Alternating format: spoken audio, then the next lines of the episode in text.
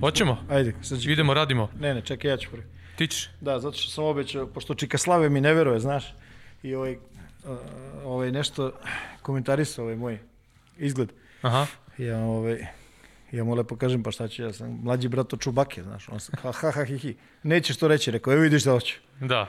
Iz Inata. I rekao sam, Ti ko Larry David, ono, iz Inata. pa ne znam za to, ali šta sam rekao ja uradio, Buraziru. Da, da. Ovaj, koja epizoda? 18. Znam, 18. sad znam. Druga sezona. Druga sezona, druga epizoda. druga sezona, druga epizoda i ovaj, pošto ćeš ti da ti voliš da šefuješ i da čačkaš, onda ćemo danas da krenemo ovako, ja ću tebe da pitam nešto. Ajde.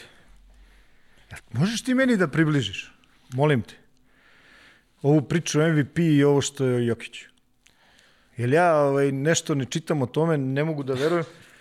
Ne, ne, majke mi, ništa mi nije jasno. Stvarno. Ali stvarno da li to, da li to ovaj, neki, ono, kapiram da ima ovi što hejtuju i to sve, ne znam šta je bre njima, nije jasno. Ja ne znam, uh, ja stvarno nisam od onih tipova sad koji će da, da priča nešto kao zato što je Jokić naš, uh, naš ono, zemljak i, A i reprezentativac, ali ja ne znam ko je MVP ako on nije ove godine. A ne, dobro, šta, mislim da je, misliš da je njihov, a, a ne znaš šta treba da uradi čovjek. Ne znam ni ja, stvarno. Evo, evo, Džile, Ajde. znači, uh, pričao sam baš, gostovao sam uh, u jednom podcastu kod momaka koji rade Nugget Srbija. A, I- rekao si mi, da, da. i uh, ja, baš sam njim, Neko se razboleo, su Baš, sam- zvali. baš sam njima rekao, rekao, ljudi, evo, ajde, vi pratite svaku utakmicu, nađite mi jednu, da li ima jedna slaba tačka ili nešto što Jokić ne radi na terenu, napadački, da kažem, ajde, da sad usredstvedimo na napad. Znači, low post, šut za tri pojena, asistencije. A čekaj, e, stani, stani, stani. Znači, sam ovaj, uh, uh, kad pogledam ofanzivni rating tima, ofanzivni rating tima opadne za, za preko 17 pojena na 100 poseda kad Jokić nije na terenu. Pa šta ćeš većeg uticaja na igru jednog tima od, toga što on radi? Dakle, u tom segmentu, ono, apsolutno nema nikakve dileme. E, drugo, ekipa sa njim igra odlične rezultate, ima odlične rezultate. E, Jamal Murray je povređen, ne padaju i dalje ovaj, i kada je, kada je on e, van terena, da tako kažem, I ja zaista, bukvalno nemam nikakvu dilemu ove godine ko, ko je MVP. E sad, vidim da i po Americi ima dosta nekih komentara napadoše jednog Magica, ali Magic je onako, da kažem, ispoštovao uh, i i, da, i ovaj, uh, šta, šta si okačio? Ne, ne, dobro, vratit ću se na to. Vratit ću se, majstore, na to da si bio kod ove... Ne, ne, u redu je. Ne, ne, sve u redu. Ajde. Ajde, završi. Samo sam hteo da kreneš. Slučajno odabrah tu temu da ti kažeš bio sam ovde i onda. Da, da, da, da. da. Jesi E, ti, jesi ti slažeš? Evo, čak, kažem ti, čak i neki napadoše Magica, iako je Magic negde zapravo ne, i rekao da je. MVP Jokić, mislim. E sad, naravno, ne možeš da uzmeš i da isključiš ove ostale igrače da kažeš nisu, nisu konkurenti, ali mislim da kad se sve sabere i oduzme, mislim da je ove godine apsolutno zaslužio i ono što je nekako najveća razlika u odnosu, bar ja ono što primećujem, on je imao ranije neki utakmica gde on dominantan, gde se to vidi i onda igra za, za ekipu, deli pasove, nije toliko bio, da kažem, konstantan što se na, poen, po, poena tiče, ono, posljedanja. Međutim, mm -hmm. ove godine i u tom segmentu on uvek agresivan po koš, onako baš igra superstarski, što se kaže, i ja mislim da, da bi apsolutno, ono, Znaš bilo je- iznenađenje da neko drugi dobije. Znaš kako ja gledam na to? O, ok, statistički ljudi gledaju ovo, nekima je važnije ovo, nekima ono, ali ima tu jedna stvar. Kako Jokić utiče na svoj tim, Tako je. svoje saigrače, koliko je aktivan u o, odnosu pobede i poraza. Tako je. Razumeš? Ovaj, I da li pravi svoje saigrače boljima? Ja mislim da pravi. I tu nema neke dileme. Ali uopšte ta cela ideja, znaš, da praviš frku oko toga, mi to mi ništa nije jasno. Znaš, taj hejt, to me podsjetilo, ti znaš da ja ne pratim baš puno taj tenis i to. Ali znam da ima neki tip što hejtuje Novaka Đokovića non stop. Mm -hmm. Ne znam kako Ne znam, se ja ne pratim Ma nemam da- pojma, razumeš? Ovo, je- ako čovjek obuce, o, o, obuče, ne znam, belu majicu, ovo je kao što nisi nosio crnu majicu. Znaš, nešto mm -hmm. na, bez veze. To, ovo mi je- Haters gonna hate. Pa nema, to je super, ono što kažu, to su mi najveći obožavaoci, to je super. Ali, ovaj, baš mi nejasno, mi, mislim, generalno, znaš, nek, ono, pričali smo prošle nedelje o ovome u ABA, znaš, ko je MVP, ko nije MVP, mm -hmm. sad, uh, U NBA je to mnogo lakše po mom mišljenju odrediti nego, nego kada je Ne, ali, ali majke, ok, uh, imaš, uh, ajde da imamo, ne znam, nazovi navijački glas, novinarski glasovi, trenerski glasovi i ajde ovi, nazovi GM-ovi ili kod nas bi to bili šta, sportski direktor ili ne znam šta već. Pa daj na, napravi četiri MVP-a, mislim, bolje nego ovo, već onako, ne znam, što, mislim, znaš, ne postoje neki jasni kriterijumi i to je u redu, znaš, to je naš subjektivni osjećaj da, da je Jokić radi dovoljno da bi bio, ako ništa drugo, barem super ozbiljan kandidat za za, ovaj, za MVP. Znaš, ajde da ne ulazimo u to da li je izbegava utakmice, da li radi load management, da li ne radi, koliko pobeđuje, ne pobeđuje, tako dalje. Mislim, to je, znaš.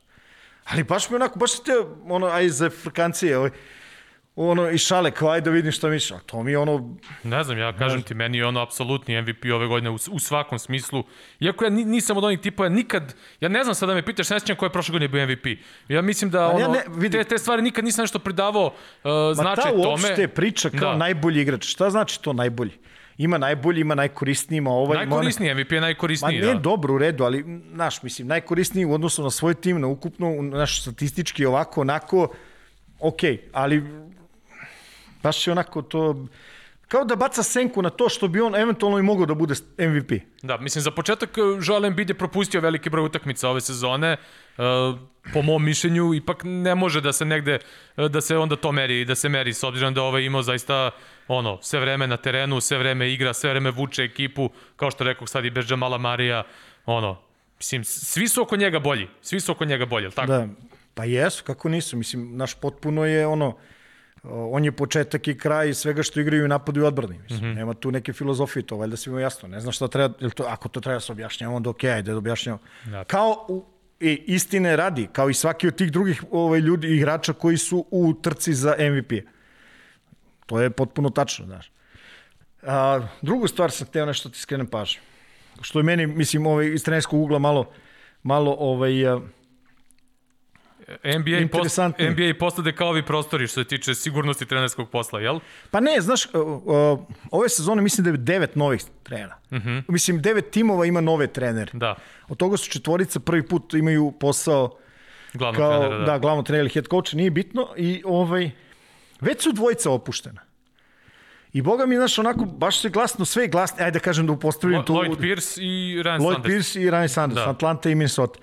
I ajde upotrebim ovaj, tu, tu frazu koju vi iz medija koristite, onako sve se glasnije govori o tome ili se piše i ovaj, više se o tome piše. O, o, već se već se prave liste trenera koji ono su kao na klackalici ili ono klizavo ili znaš one fraze Da, da, što vi Nate koristite. Bjorgen prvi sa Indijanom, ovo sad Jest. sve što se dešavalo prethodnih dana je dodatno podgrejalo, podgrejalo priču. Pa jeste, znaš, sad možeš, ono, svako ima pravo da postavi sad jednostavno pitanje, znaš, o odnosima unutar tima, da li kontroliš slačionicu, ne kontroliš slačionicu i tako dalje i tako dalje. Oni generalno, o, navodno, ili nisu zadovoljni sezonom do sada, očekivali su nešto drugo, da, da ne ulazimo uopšte to, ali fakat da je on tu zaista jedan od tih ovaj, ljudi na, na, ovaj, na tom spisku. Ono što je zanimljivo, trener koga je, recimo, ja mislim da je, da je stvarno da je onako zanatski dobar, to je Terry Stotts, mm -hmm. trener uh, Portland. Portlanda, da. Međutim, i njemu... Jedan od za koga se priča da Da, on je napušta. valjda ovaj, devet godina, je, znaš, bez ovog, i sad oni očekuju nešto više, da li će biti više, da li će biti manje. Znaš, um, fakat imaju jednog od najboljih igrača u, u ovoj u ligi, ovog Demian Lillarda, traže više. Ok, znači, ajde, to mogu da shvatim. E, recimo, imaš ha, Brooks, navodno je onako, Da. nije siguran. Ma, mada se Washington prilično digao pa on ovaj, je tu, oni na ivici su ovog... Na ovog, play-ina, da. Da, ali pričat ćemo i o play-inu. Hoćemo. I onda, I onda mi ovaj, znaš šta mi je vrlo zanimljivo? Um, Volton, ok, i to kapiram. I onda recimo ime koje ono figurira je ovaj Baden-Hozer. Da. I kao navodno mora pobedi ove godine, šta god to značilo mora pobedi, ja verujem da, da misle na, na tituli, barem na finale. U protivnom i tralalala, sad krenuću ono, znaš, teorije i tako dalje i tako dalje. Što je ono, samo ti pokazuje ono, kako si rekao, znaš, da NBA koje je ranije onako, e, mogao si da se uhvatiš generalno za te američke profesionalne sportove, mogu se uhvatiš, znaš, da, da, da postoje Stabilnost ljudi, organizacije, Da. znaš, koji kapiraju šta je kontinuitet stabilnost kao, kao o, jedno, znaš, e, kako bih rekao, osnove nekakvih ovaj uspeha. Međutim, nešto, znaš, prosto što kažeš ti počinju da se menjaju kao na traci. Da. Budenholzeru su ulepili neke etikete, ono kao ne prilagođava se, ne, ne fura ono mnogo sviča u play-offu i ta, tako dalje, Da. tako dalje. Mi smo već to pominjali letos. Pričali smo, da, da, da, moraš da imaš i ekipu za to, moraš da znaš e, koje su neke slabosti, druge, šta puštaš ako to e, radiš. E sad ove godine čini se da su oni malo iskoncipirali tim po tim takvim nekim potrebama, pa pretpostavljam da će toga i biti više. Ovaj, pa da vidimo da li će to zaista imati nekakav uticaj na rezultat ili, ili neće ništa, ništa Ali- promeniti. Na, na šta je još tu generalno? Mislim, definitivno, definitivno je počelo ono, ovaj, ono off the court radovi pred playoff. Mm -hmm. Znaš, ono, počeli su te priče, mislim, gledaj, te priče sigurno ne, ne, ne, ne, ne mogu da podignu stabilnost. Da. Znaš, i da homogenite, mislim, nemam pojma, ali prosto mi je ono, to je jedan deo ono, ovaj, tih profesionalnih portova koji postoji i ne može da se izbegne, ali je prosto A pazi, za, i za Breda Stevensa se pričalo svašta tokom sezone, Jest, s obzirom da. Celticsi nisu imali neke rezultate kakvi su se očekivali, čak se pominjalo ono Univerzitet Indijana, ovaj, pre nego što su oni potpisali ovog Majka Woodsona, tako da ovaj, i to se negde, negde provlačilo ovaj, kroz, kroz neke medije. Kako si vidio ovu situaciju? Ajde, prethodnih dana se ba- pomenuli smo Pacersa i sve to što se dešava kod njih. E, Ovaj duel Goge Bitadze i Grega Pa ni- Fostera, ono, mislim, Pa možda je to malo previše predugo. Mm. -hmm. Ok, naš igrač je reagovao kako je reagovao, trener reagovao kako je reagovao, kako će oni to, e, vrlo je bitno šta će se desiti posle. Znaš, mm. -hmm. pazi, taj, to ne može da ideš unazad da kao nešto rešavaš, ovaj, a, da se vratimo kao unazad i ajde da pričamo o tome. Nego ajde probamo da, da, da nas to, ako može, ovaj, da izvučemo nešto pozitivno iz toga, ako ništa drugo, znaš, sede i, i ra- porazgovarajte o čemu se radi, rešavajte i idete dalje. Ali, kažem, ono što smo rekli sad kad smo pričali o treneru, znaš, otvara tu neka pitanja o, o, ovaj, o toj celoj atmosferi tamo. Pa to je negde, to je negde bila priča i za Lloyda Pirsa Da. ovaj, u Atlanta Hawksima, da nije držao slačionicu i ostalo da je zbog toga sve a, tamo i puklo. Mislim, Hawksi su se na kraju stabilizovali. Dolasko Nate'a McMillana, koga smo mi spominjali Ma- letos kao izuzetno kvalitetnog stručnjaka, ovaj, koji je malo i pocenjen u nekim momentima. A reci mi nešto, da li je moguće ovo pravilo, sad nismo hteli, ja namjerno nisam hteo da poteram, ovaj, da potežemo tu, ovo pravilo 7, 8, 9 i 10. Play-in. Meni je to pravilo prošle godine i tekako imalo smisla. Ne, ne, što je dobro, prošle čekaj. godine prekinuta sezona. Pa bio je babol i sve Da, i redu, sad imaš to sezonu 72, sve, Men, meni, sad, meni sad u ove sezone uopšte mi se ne sviđa to. ne imaš sezonu, sezona se završi 7, 8, 9, 10, 8, odnosno poraženi, ajmo s ovim, e, ne, ne znam, koji su benefiti, ne znam, ne znam što ste hteli da postignu.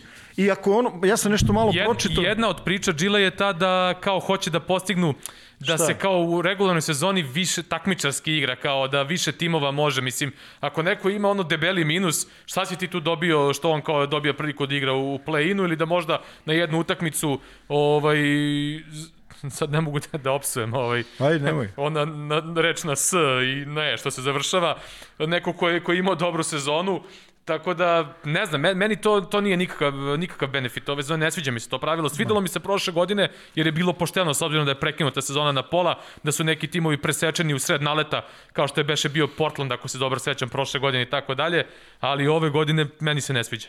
Da. Mislim, dosta sad napali su i Lebrona, za, što je on iznao to svoje mišljenje, a opet niko nigde ne, ne izanalizira malo šire, nego svi samo daju onako neki hot take i onda kreće svađa. Pa Ovaj, nas, nasikiro se strašno zbog toga, ja Pa. Lebrona, da. Šta će ga suspenduju nešto? Ma ne, ne, ne, ne, ne. mislim, Pa on je kao rekao ono, da, Šta rekao je da je budalaština, mislim. tako je. Nebitno. Ove, šta sam teo da ti kažem? ABA Liga imamo... E, aj samo još, imamo- još ajde, jedna stvar, samo sam teo te ajde, pitam ajde. za kraj, ovaj, to, to sam čekao sve vreme, pošto ovaj, kad je počela NBA sezona, pominjali smo Obija Topina, ovaj, E, e, kada, kada je trebao da uđe u ligu. E, jesi vidio jedan nezvanični nadimak, e, pošto je e, dobio broj 1 da nosi, jesi vidio nezvanični nadimak? Ne, nisam. Obi, Obi-Wan, Obi-Wan. da. Pa ima smisla. A? Ima smisla. Znao sam će tebi to da se svidi. Ja, hoćeš, ne znam šta To, da ti to sam kažem. čuo pitanje za tebe kao ovaj, ljubitelja, ja nisam ljubitelj, jel te? Pa, Da, da. Dobro, e, sa tim završavamo ovaj NBA blok. A Abas se onako ulazi u sam kraj, tako? Jeste. Znači već imamo jednog finalistu. Imamo već to je finalistu ekipa, budućnost, da. Ekipa budućnosti koja je sa, sa 2-0. Ovaj, uh, Mornar ovaj, prošla u polufinalu. E, Ne možemo da pričamo da li je iznenađenje ili nije, ali naš tokom samih utakmica bilo je nekih zaista dominantnih perioda igre budućnosti. Uh Mhm. -huh. dobro, dobro izgledaju, ovaj, u dobrom su ritmu, uh, imaće dovoljno vremena, čekaju sada čekaju sada ovaj Protivnika, protivnika između ovog Zvezde i Goke. Samo bih nešto, nešto rekao. A, stvarno nije isti ovaj Mornar bio posle, pre i posle ovaj, svih tih problema zdravstvenih koji su imali. Prosto nisu. Mislim, povreda Jacoba Pulena je takođe i tekako uticala na njihov ritam tokom sezone. Da. Whitehead je takođe bio povređen. Ona situacija sa Johnnyem Hamiltonom došao, otišao i tako dalje. Malo, malo ih je to sve, ali Pulenova povreda čini mi se i najviše uticala na, na njihovu sezonu.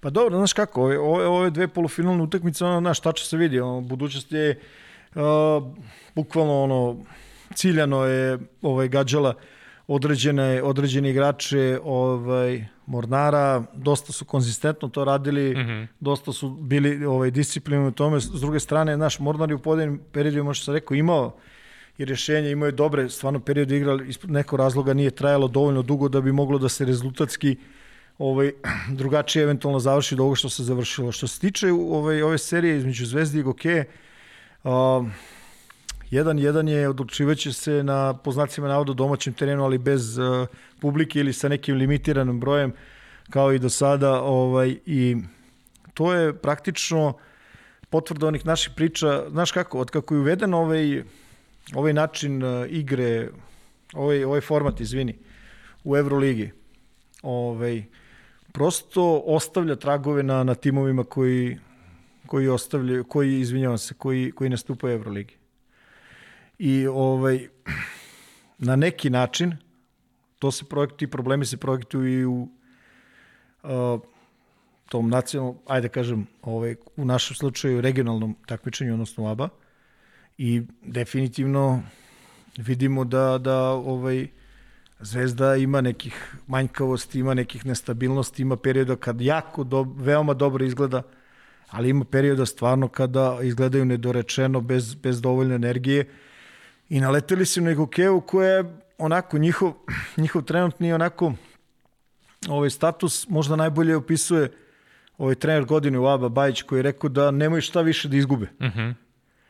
I to je naš moćan saveznik u ovoj situaciji kada imaš 40 minuta i praktično se određuje sezona, gde je potpuno različit moment Crvene zvezde i Igokeje, gde Crvena zvezda igra za uh, Gde ima, obav, gde ima obavezu Crvena ima, zvezda da. za, za, za trofej. Pa oni, mislim, prosto da bi, mnogo jednostavno, ako hoćeš da igraš Euroligu i dalje, mora pobediš u ABA ligi, tu, tu nema, nema neke dileme. Naš, ovaj, oslanjati se na nekakve wild cardove i tako dalje, ne znam koliko je ne znam koliko je realno. S druge strane, našeg okeja veći deo sezone igra stvarno dobro. Igraju... mislim, izvini što te prekam, mislim čak i da nije ta, to pitanje Evrolige, uh, Crvena zvezda i Partizan kao klubovi imaju obavezu, koje god da je takmičan, imaju obavezu da ga osvoje. I, pa i uvek će da bude zamerke navijača ako ga ne osvoje ili ako izgubi u finalu. Sve zavisi... Tako da to neki pritisak koji zapravo te klubovi čini velikim klubovima. Ali srđe, sve zavisi, sve zavisi od momenta. Te, znaš, on, pričali smo sad, stalno pričamo o tome, znaš, realno, nerealna očekivanja ti upravo si rekao sad šta, da zato što je neko veliki klub da stalno mora da, da osvoje trofeje. Da, pa mislim I kad ima, je nerealno, ima tu, čega? Pa ima tu vrstu pritiska, ne svaki klub. Partizan i Zvezda su meni po tome vrlo specifični, uh, možda i u, ce, u celom svetu, u Evropi, nekako god. Uh, kon, konstantno su naviknuti navijači i uvek će tu biti neki ne, nesvesni pritisak uh, od strane publike, kroz medije i tako dalje i tako dalje.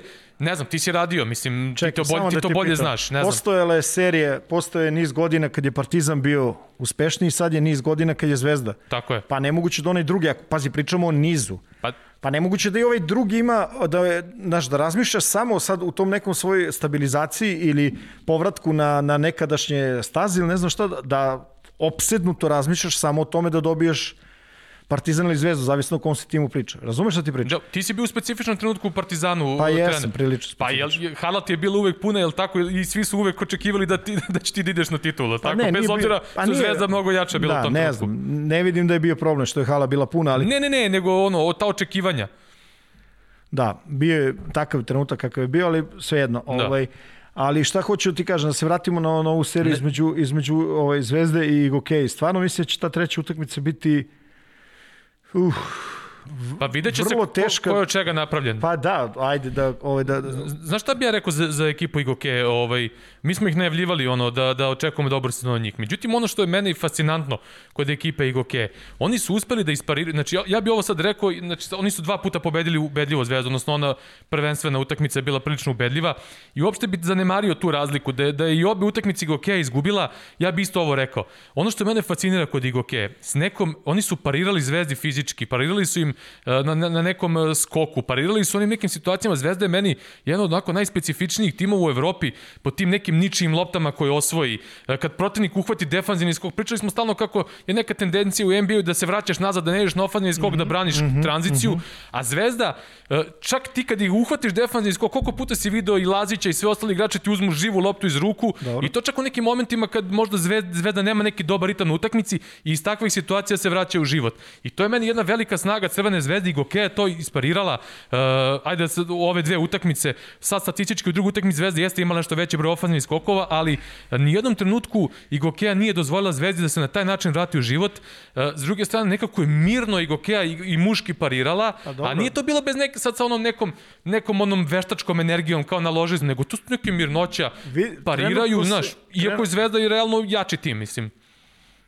Da, ali vidi, trenutno se igra u ritmu koji verovatno više odgovara. Po, ispostavlja se da više odgovara i okej. Mm -hmm. Je li prvu utakmicu Zvezda rešila u, u poslednjoj četvrtini, je li tako? Znači, ono, prosto su ubacili počeli su igrati agresivnije, mnogo energičnije, čak su i na ovoj utakmici koji su izgubili ubedljivo. Mm -hmm. Ovaj bilo je momenata gde je Zvezda ono bila na na neverovatnom nivou energije kada su pravili probleme za kada su pravili probleme za Igokeo. Sad, da li to može da se uradi u dužem periodu, da li svih 40 minuta, ja to ne znam, ali da je sad, da su u situaciji da imaju dosta toga da izgube, ovaj, imaju. Mm -hmm. E sad kažem ti ono što kažeš ti da se vidimo čega su napravljeni i tako dalje i tako dalje. Znaš, Igokea je ekipa koja je dugačka, ovo, ima igrača koji mogu da igraju na, na, više, na više pozicija. Znaš, ta, ta, recimo kad izaću sa ovaj, sa grupom Pot, Mo- mogu pot, dosta da pot, sve da preuzimaju. Jošilo, znaš, Pot, ja, Atić, Jošilo, Ilić, Carmichael. Carmichael, Primera, da. primera radi. Sve mogu da preuzimaju. Da, znaš, i to je, to je ono, ovaj, naročito protiv timova koji nemaju takozvanog ovaj, uh, strelca, po znacima navoda, na, na low pozicijama ili igrača koji je onako to, dovoljno dominantan da moraš da ga ovaj, da skupljaš odbranu. To je onda naš uvek i problem. Ja ti se čini da su se ove godine treneri i uopšte generalni menadžeri, kako god da ih nazovemo u, u našoj košaci, uh, u ABA ligi, da su se ove godine, da se dosta njih usresredilo na to da, da atletski pojačaju ekipu, posebno na unutrašnjim pozicijama. Kad pogledamo sve ove ekipe koji su bili konkurenti, svi imaju neke atletske, ono visoke, što ranije godina nije bio slučaj na tolikom uzorku kluba. Možda su ovi neki najjači uvek imali, sad već svi timovi imaju, ne znam, i Partizan i Zvezda, i Budućnost, i Mornar, i CD Vita Olimpija, svi imaju bar po jednog ono, atletu, da kažemo, ispod koša.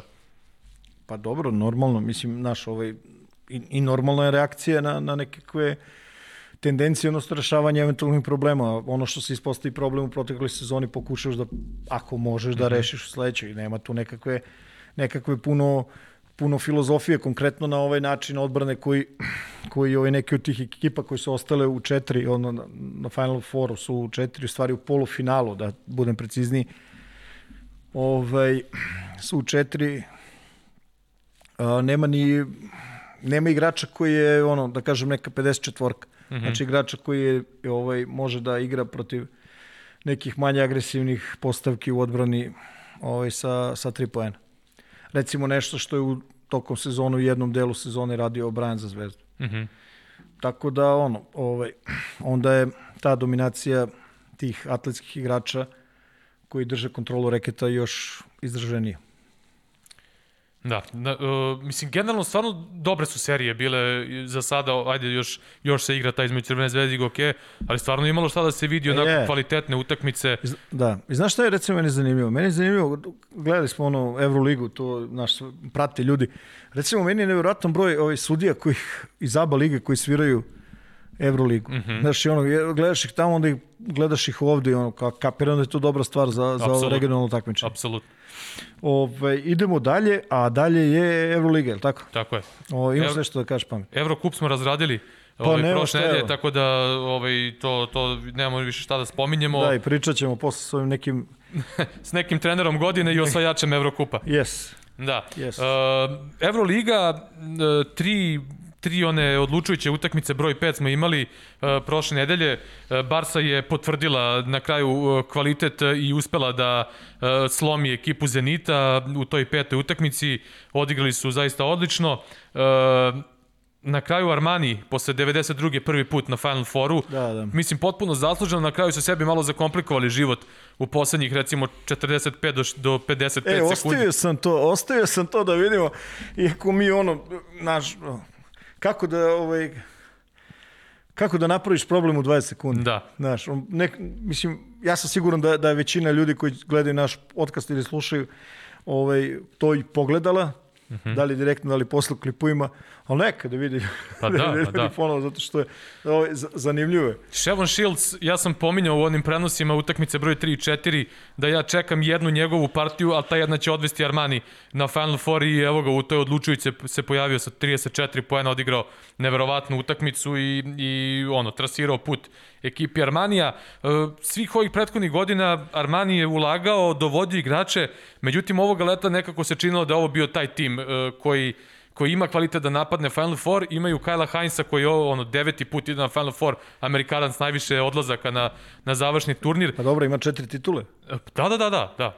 Ovaj, e sad, kažem ti, meni nije toliko iznenađenje što je Armani otišao na Final Four, tako da, ono, mo- možda da je neko drugo ukrštanje bilo, pa ne bi bilo tako, ovaj, ali generalno oni sa, sa Barnom su razvili veliki rivalitet ove godine, dosta je bilo ovako, čak Da. i, po i po Twitteru čak bilo Ma nekih dobro. prozivki i sve dalje, ali su se na kraju ipak eh, onako sportski ispozdravljali i iščestitali čak i na, i na Twitteru. Da. Ove, ja ću se vratiti samo na, na, na Barsa Zenit. Mm Mhm. -hmm. o, pošto je to prva utakmica koju ćemo da pogledamo nešto malo klipova. Jel eh, pričamo prvo pa se onda vraćamo na klipove ili da, da, da samo napomenem za kraj onda i tu po mom mišljenju najlepšu seriju za gledanje između Reala i Efesa. Imao sam tu To sreću će da biti treća serija. Da. To će biti Znači, tu, tu, tu seriju sam prenosio celu i imao sam tu sreću, zadovoljstvo, toliko trenerskih prilagođavanja, toliko Ajde nekih da udaraca idemo. i ono. e, Ser, se slaže da to bila možda nekako naj, najbolja serija za gledanje? Ajde da ovaj pokušamo da ne čačkamo napred. Jel tako? Da, Dobro. pa nego da ti recimo... Zato sam te, zato sam te pitao, da li, da li idemo jednu po jednu sa video analizama, pa da, pričamo da, ići ćemo Dobro. jednu po jednu. Ja bi, o, ako imaš nešto dodaš na Barcelona, Zenit, takođe, kao što smo rekli, peta u seriji. I ovaj, posle te utakmice Šaras je izjavio, trener Barcelona, Jaskevičius je izjavio da Da, nije, da je mislio da je potpisao mu Tomba, je li to ili... Ne, ne znam za to. Ja sam, meni je onako zapamtio, sam pročitao sam to i zapamtio da je rekao kao da su najzad ličili na, na sebe. Mm -hmm. I ovaj i kad se pogleda ta utakmica uh, jasno je šta, šta i kako. Pri čemu ovaj, to smo pričali mnogo puta u bilo kojoj Znaš, za velike utakmice, velike serije ti trebaju dva protivnika. Mislim, trebaju dva učesnika, naravno, znaš, i da nateraš Barcelonu na njeno najbolje, treba puno kvaliteta, puno energije, puno rada i Zenit je to uspeo. I to bez dva vrlo bitna igrača u rotaciji, bez Gudajtisa i... Tako je. Da. I, ovaj, i, i, i svakan čas za ono što su uradili, mislim da je tu urađen jedan vrlo dobar posao. Uh -huh. Znaš, I da nateraš ovaj, Barcelonu koja ove godine, kako vi iz medija volite kažete na papiru, je prvi neki kandidat, verovatno uz Efes, uh -huh. onako, oni su u tom nekom, nazovi, prvoj grupi timova koji se proglašavaju favoritima. Svi- Sviđa mi se ovaj tvoj izraz prva fioka. Prva fioka, da. Uh -huh. E, ovaj, uh, dakle, postoji, postoji jedna uh, velika doza očekivanja i, i pritiska na Barcelonu i na Efes, mislim. Više nego na bilo koji drugi tim. Što objektivno je u redu. Naročito posle momenta kada pred play-off, ali dovoljno daleko od play-offa, ovaj, pričam play-offa Evrolige, dovedeš igrača kao što je Gasol. Pogasol koji sigurno spada u najbolje visoke igrače, odnosno igrače uopšte Evrope svih vremena. Mm -hmm. I u kakvom je stanju, bio, kakvom je stanju sada, ajde da zaboravimo prve četiri. U petoj utakmici je bio fenomenalan. Da. Fenomenalan i tačno se vidi da nekako što više provodi vremena sa saigračima, to sve bolje funkcioniše. Pre svega mislim na saradnje između njega i Kalatesa. Ja sam to ostavio da, da, da, da ovaj, ljudi vide na što tačno mislim i generalno ovaj, ispostavilo se da je rezultatski ovo najubedljivija pobeda Barcelone. Mislim, prosto su slomili ovaj, slomili su Zenit vrlo rano, vrlo rano u odnosu na, na, na svih 40 minuta i ono što je vrlo zanimljivo i ohrabrujuće za ljude koji vole Barcelonu je dugački, dugački periodi igre u odbrani, naročito sa puno energije i sa ispunjavanjem zadataka. Mm -hmm. Na način kako su oni to zamislili. Mislim da je ovaj Jaskevičius na to mislio kad je rekao najjač, naj, najzad smo ličili na sebe. Bolmaro je dobio značan prostor, defanzivno je odradio sjajno, ali i napadački mnogo više nekog poverenja u napadu. Pominjali su mnogi kao slabije partije Nikole Mirotića, međutim, ja bih e, tu pre rekao da je Will Thomas radio fenomenalan posao u celoj seriji igrajući, igrajući protiv njega i da mu je napravio sve te probleme. Will Thomas je jedan od možda naj, najpocenjenijih igrača u Euroligi. Pa dobro, znaš, sad da uzmeš da zalepiš to kao igro je slabije, igro je ovako ili onako je, Ove, e, možda, e, možda ne bi bili ovde da igrao slabije ranije, znaš. Tako je. Tako, tako da je to onako, ajde sad ne, ne, da ne ulazimo ja u te da kažem da nije čak možda on slabije igrao koliko je Will Thomas odradio sjajan, sjajan posao na njemu. Pa jedan od razloga zašto je u ovoj petoj utakmici Barcelona bila ubedljivija od Zenita je što je potpuno uspela da uzurpira komunikaciju između Bekova i, i Will Thomas. Mm -hmm. Gde on tek, evo ja ću baš onako budu išli klipovi, skrenut ću vam pažnju kad je prvi put počeo da da, da prima loptu na, u pravo vreme na pravo mesto. Pre toga Barcelona je uspela da to i prosto neutrališe, odnosno meni generalno kad pogledamo utakmicu, ta velika količina presinga koja je bila na, na Pangusu je potpuno uništila ono što je Zenitova snaga, to je taj neki flow, neka tečnost. Mm -hmm ovaj, njihovog napada i, i onako uh, to da su svi uključeni da lopta brzo ide sa strane na stranu. Međutim, nešto ovaj, na ovoj utakmici prosto Barcelona našla rešenje za to. Pre svega odvajali su Pangasa od lopte, ovaj, a vidjet ćemo posle što, su, što su pokušavali da radi u prethodnim utakmicama, ali nisu do kraja uspeli. Vidi, ja mislim ni na jednoj kao na ovoj. Tako je. Znaš.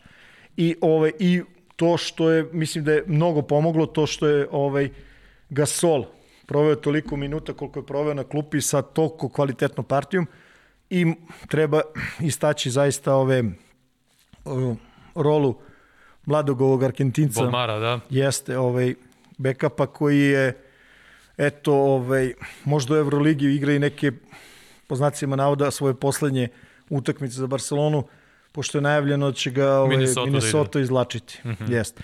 Uglavnom, ajde počnemo mi ovaj, sa sa ovim samo da stavim ove... Naučare za kompjuter, jel? Ma idi, bre, ostavi mi na mir. Stvarno sam Čubakin, stari brat.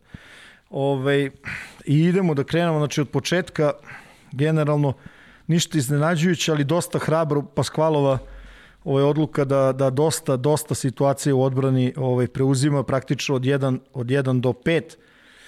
I ovde vidimo da je u mis meču završio Pangos na, na Davisa, ovaj potpuno skupljanje sa sa ovaj Kalatesa i to. Ovo je ono o čemu sam pričao, znači uspevali su da uspevali su da odvoje ovaj Pangosa od lopte i da, da mu izbace loptu i onda posle ovim dinajom da ne dozvole da potpuno licem u lice, ono mrtvi da. dinaj, mrtvi dinaj na njega i zanimljivo je ja sam očekivao nešto više inicijative od ovaj od ostalih spoljnih igrača ovog Zenita, međutim to je izostalo u jednom dobrom delu dobrom delu utakmice. Znaš, i to je stvarno onako, evo, muka je da je primi i kad je na kraju primio, ok, znaš, ovaj, otišao do kraja, stvarno je radio za sve što je, ovaj, što se kaže, radio, završio je, uspeo je da, moral, moralo, je puno, moralo je puno da se radi da bi, da bi bilo uspešno. Ovo je ovaj, ono koliko su ga poštovali, znači na relativno visok ovaj pick and roll, koji je ovaj, postavljao Zenit i koristio vrlo visok izlazak ovaj, Gasola i odluka Pangosa da šutira i ovo je kaznio, međutim vidjet ćemo posle tokom, tokom cele utakmice ono ovaj, i bilo je dosta problema. Pogledaj nivo postavljanja blokade za Kalatesa od strane Gasola i to je ono što je vrlo važno. Cela Evropa znači, ističe kao jedan od najvećih problema za Kalate se navodno ta nestabilnost u šutu. Neko, Za tri, da. Jest. Međutim, pogledaj koliko duboko je ova blokada i to je automatski, automatski problem za, za ovo. Prepoznaje se, ovaj, prepoznaje se preuzimanje. Ono što je meni zanimljivo je da su ostavili, saigrači su ostavili ovde potpuno Pangosa da se bori sa Gasolom. Znači, ne znam, štitili su šut sa tri poena, međutim završilo se sa ovih, sa ovih dva poena odmah na početku i to mi je bilo onako vrlo, vrlo ovaj, zanimljivo, što se kaže, očekivao sam drugo. A, ovde hoću samo da pričam nešto o, ovoj, o načinu ovog odbrane dropa koji je ono, kao što se kaže, školski, ovde vidimo brine sa prvog dodavanja natero je Pangosa da uhvati loptu i to je dovoljno. Gasol kontroliše, ali se ovaj, loptu i u isto vreme se vraća, drži Bleka, mislim da je Blek još uvijek u igri, tu i tera ga na ovaj šut koji definitivno, izvinjava se, na, ovaj, na ovo dodavanje koje je onako šut dodavanje, ne znam šta je bilo, da. prosto nije napravljena nikakva jasna, jasna prednost, ali ponavljam, veliki ovaj posao brine s prvog dodavanja. ovaj, blokada, pa još jedna... četiri blokade je Gasol udario, zato je rekao Šaras da je mislio da je potpisao mu Tomba, a ne Gasola. I ovo, i ovo istrčavanje Mirotića, kontranapad, faul, znači vrlo brzo prelazak iz faze napada u fazu od... E, ovo je nešto na što hoću da skrenem pažnju, posle ću isto o tome pričati, ovaj, o, o tome ćemo pričati recimo u seriji između uh, ovog Bajerna i Germanija. E, jeste. Uh, Will Thomas, znači za ovih prvo vreme, još uvijek nije primio loptu. Na ovo iskakanje Mirotića. Hostov, ja ne znam zašto, ali prosto su preskakali i oni Pango su preskakali ovo dodavanje gde on ima definitivno prednost. Sve je vrlo jasno. Ja razumem da je u brzini utakmice i tako dalje i tako dalje nešto, međutim ovaj način odbrane Barcelone bio isti, gotovo isti na, u svih pet utakmica. Ne znam zašto ova lopta nije išla ovde. Međutim, nije Hvostov neodlučan, pa traži neko teško danje, nema toga ništa i ovaj, taj posred propada, odbranjen je ovo je ono što se kaže izvanredno. Ovo je isto zanimljiva odluka ovaj, Paskvala, znači Davis, za koga znamo da ima ovaj, načine ovaj, da poentira na low postu, ovde vidimo vrlo jasnu, vrlo jasnu tendenciju ovaj, Zenita da ga ostavi 1 na 1. Uh -huh i na kraju sa viškom driblinga, posle svega gotovo 10 sekundi ono igre 1-1, ovo je poentiranje. I Davis koji generalno kroz celu seriju mismatch situacije sjajno rešavao, možda je bio i glavna snaga Barcelone u, u tim momentima. Jeste, vrlo je... Na, najviše doprinosi ono lak, lakim poenima. Sigurniji od drugih i plus što mislim da u ovim sada mečevima koje Barcelona dalje očekuje, mislim stvarno treba očekivati više lopti, o, više poseda za Gasola posle mismeča. Prosto poništava mogućnost da vas preuzimamo, uzimamo jedan deo odbrane činjenica da igra više. E, ovo je izvanredna jedna minijatura i ovaj, između, između ovaj, Tomasa i Pangosa očigledna neki problemi u komunikaciji i ovaj napada i to su te male greške kojima stalno pričaju ovi kvalitetni timovi te prosto odmah te kažnjavaju, znaš. Za male, male probleme ovo postaju na ovom nivou ovaj, što se kaže dosta veći. ponovo sam ostavio, znači opet, jedan na jedan i ta energija Davisa, znaš, koji generalno, on je nešto slično ovom Reynoldsu iz Bayerna, znaš, stalno prati svoje, svoje promašaje. I to je uvek dobro, mislim, najčešće onako predstavlja dodatni problem za, za, ovaj, za odbranu. Bolmaro, pritisak na, na, na Pangosu, veliki pritisak. I ovo je opet ista ta situacija gde lopta ne ide na četvorku, gde je ovde, vidi, Hanga je vezan za, za Holinsa tamo u uglu, taj pas bi verovatno nešto otvorio, međutim, celu utakmicu, kažem, Zenit to prosto nije koristio, eto. Barca koja se odlično pripremila i za ovaj španski pick and roll u, u, kako odmicala serija, sve bolje bolje branili smo, ili smo ovaj bump ovde, da nekoliko puta nije prošao ovaj low pass. Da, ovo je recimo, ovo je recimo ono nešto što je, ovaj, što su dosta koristili, taj back-back, ovaj, back-back situaciju. Videli smo to recimo u ovoj seriji između budućnosti Mornara dosta, gađali su Pulena, gde ovaj, jednostavno su stavljali ova dva centra dole, stavljao Paskval na, na čeon. I ovde je zanimljivo da je na strani gde je igrač solo, znači to je u ovom slučaju Davis izlazi, ovaj, međutim nisu zaustavili loptu, više bila kao neka finta, Pango se to pročito, otišao do kraja, ovo je njegov već trademark ovaj, šut i ovaj, to je to. Ovo je pokušaj, ovo je pokušaj ovaj, Zenita da promeni odbranu u boksi 1, međutim ovaj, dosta je to ispalo pa ovaj, nekoncentrisano. Da, na da Kjuriku, su, na. Kjuriku su igrali. Da. Jeste.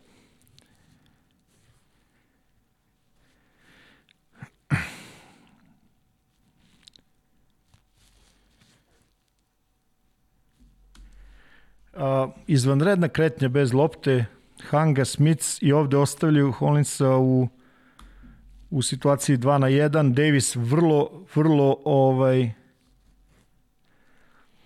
vrlo strpljiv i završilo se ovim šutim i ovde već je pogleda rezultat, znači već je Barcelona na ono nečemu što se može reći stabilnom stabilnom nekom ovom stabilnom prednosti.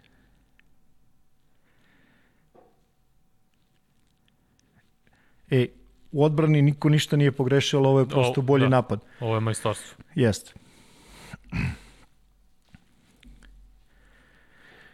Ove,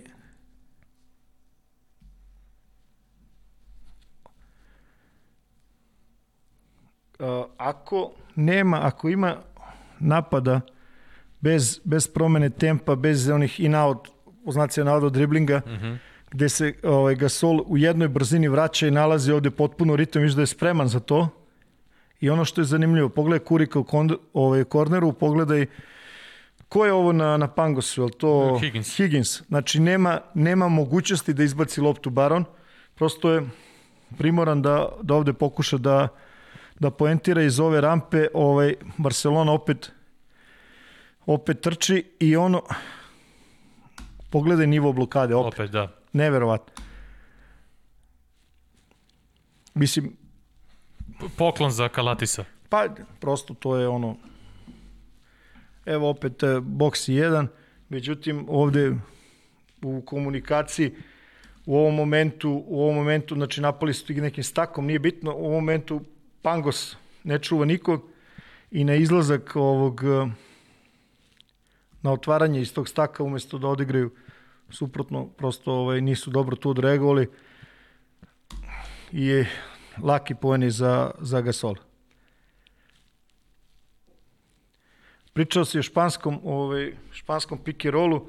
Ovde, recimo, ovaj, izvanredno odigrano i Gasol ovde ne brani loptu, brani, brani praktično se brani od ovoga što Od bloka, da. od reversovog bloka, Bloka, da. i vidi gde je ovaj gde je Kurik, međutim iz nekog razloga je ovaj Kalates potpuno Pustio Berona. skupio na loptu i Pangos je to pročitao i to su bila tri poena i vidiš, mislim da se ostaje još jedan put, jeste. Znači još jedan put španski odma pick and roll. Šta se dešava? Isti je, isti je princip i ovde Kurik praktično ovaj, razmišlja više o O rolu Jeste, međutim, o, to ne zaustavlja Poitrasa Pangos vrlo ovaj, strpljiv i ovde na, se završava ovaj, zakucavanjem. Ono što je zanimljivo, iz nekog razloga mnogo manje su posle toga koristili ovaj, ono što im je donalo ono što im donalo rezultat. Uh, Gasol na low postu, početak treće četvrtine i odmah bez driblinga gore, prosto onako podsjeća na njegove, ono što se kaže, najbolje, najbolje dane. Ovo je prvi put na utakmici da je Tomas dobio loptu iz pikerona 45, kažnjavao je Mirotića i momentalno, evo gledaj sad, ovo je poslao je Mirotića na klupu zbog trećeg penala. Da li je faul, nije faul, apsolutno je nebitno odsviranje i Mirotić ide. Prvi sledeći posed napadaju Smica i ovaj u ovom rasporedu Gasol je ovde na ovaj pas opet faul koš iz reketa. Ali u prvom polovremenu to prosto je to je prosto nedostajalo. Ovde vidimo znači nema puno filozofije samo hoću da, da, da ti pokažem, o, mislim da svi vide ovde ugao blokade uh Mhm. -huh. protiv uh, odbrane ispod, uh, ispod pick and rolla, To je onaj step up, kako ga zovu. Flat takozvani. Ili flat, da. ovaj, gde evo ovde je potpuno Casey Rivers na, znači na strani lopte je potpuno vezan na dva čuvara, ostavlja se 2 na 2 ta odbrana, međutim ovo nije isti šut kao i šut iz, sa 3 poena iz driblinga. Uh -huh. I ovo je Kalatesovo ono što se kaže distanca koju koju pogađa. Još jedan po španski, međutim ovo je izvanredna reakcija Gasola. Bez blokade uspeo da izbegne Barona, da ovaj, pokupi ovaj I to leđima brz, lo, da, brz, brz, taj, brz rol.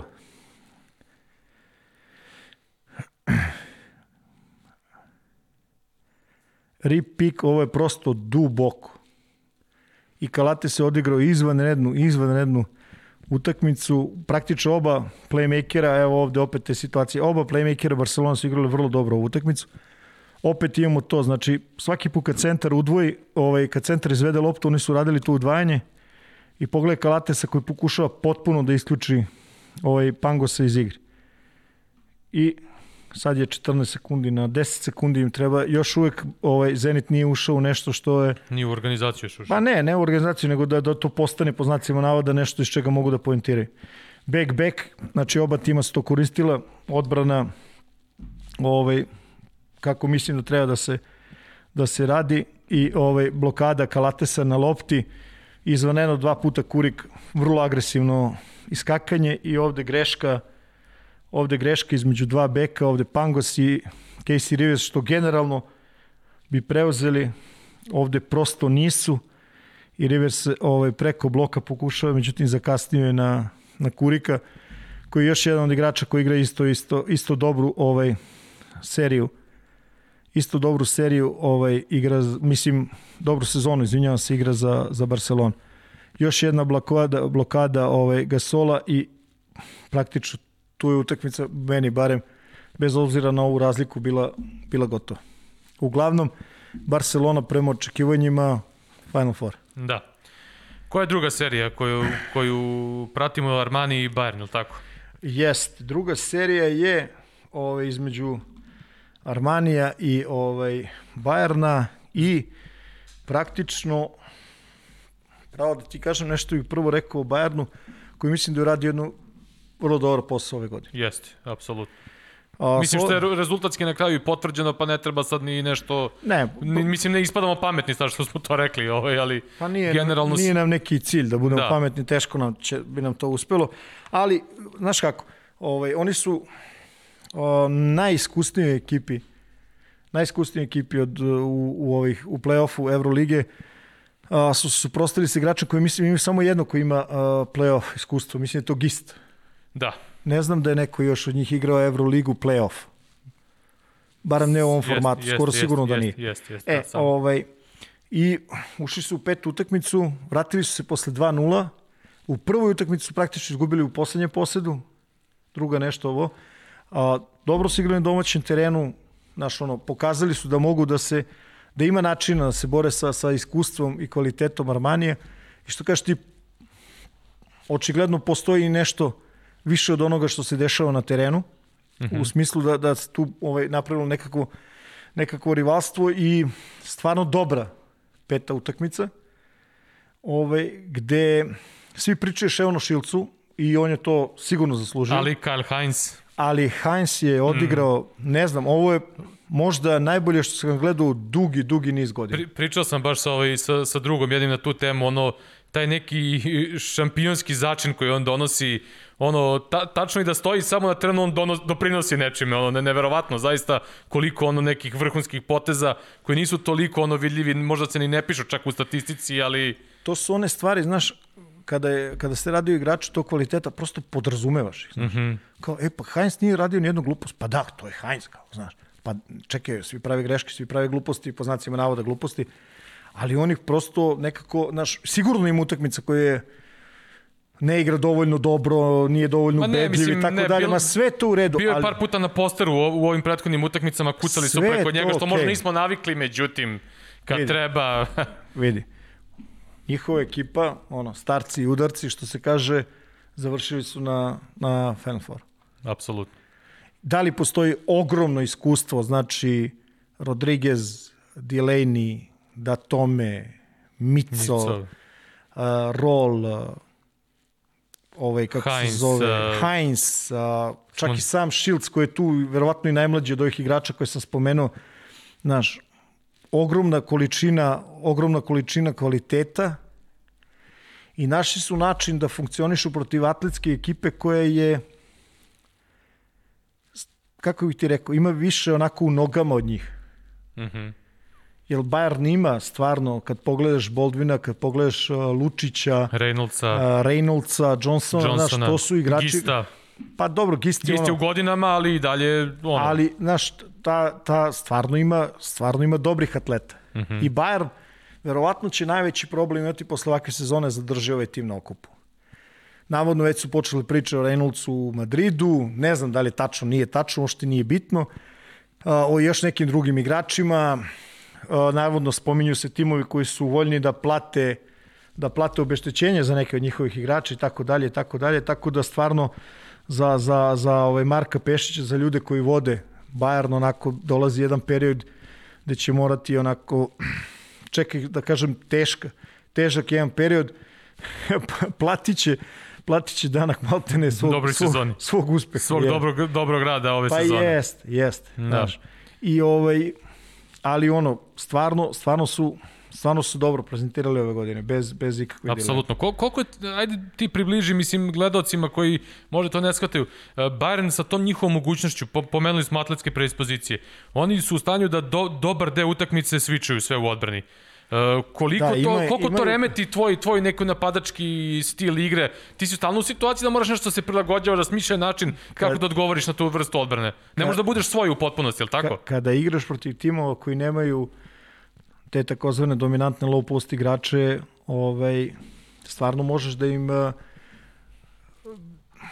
da im promeniš ritam igre u napadu. Definitivno. Mislim, videli smo i, Efes kako se izgubio na, na sve to u nekim dužim recimo, periodima. Recimo, uh, m- ovaj Milano mi smečeve veliku većini slučajeva ko, Bekovima su rešavali. kažnjava na, da, spolja. Da. Što je normalno, znaš, taj kvalitet koji imaju s polja je stvarno veliki.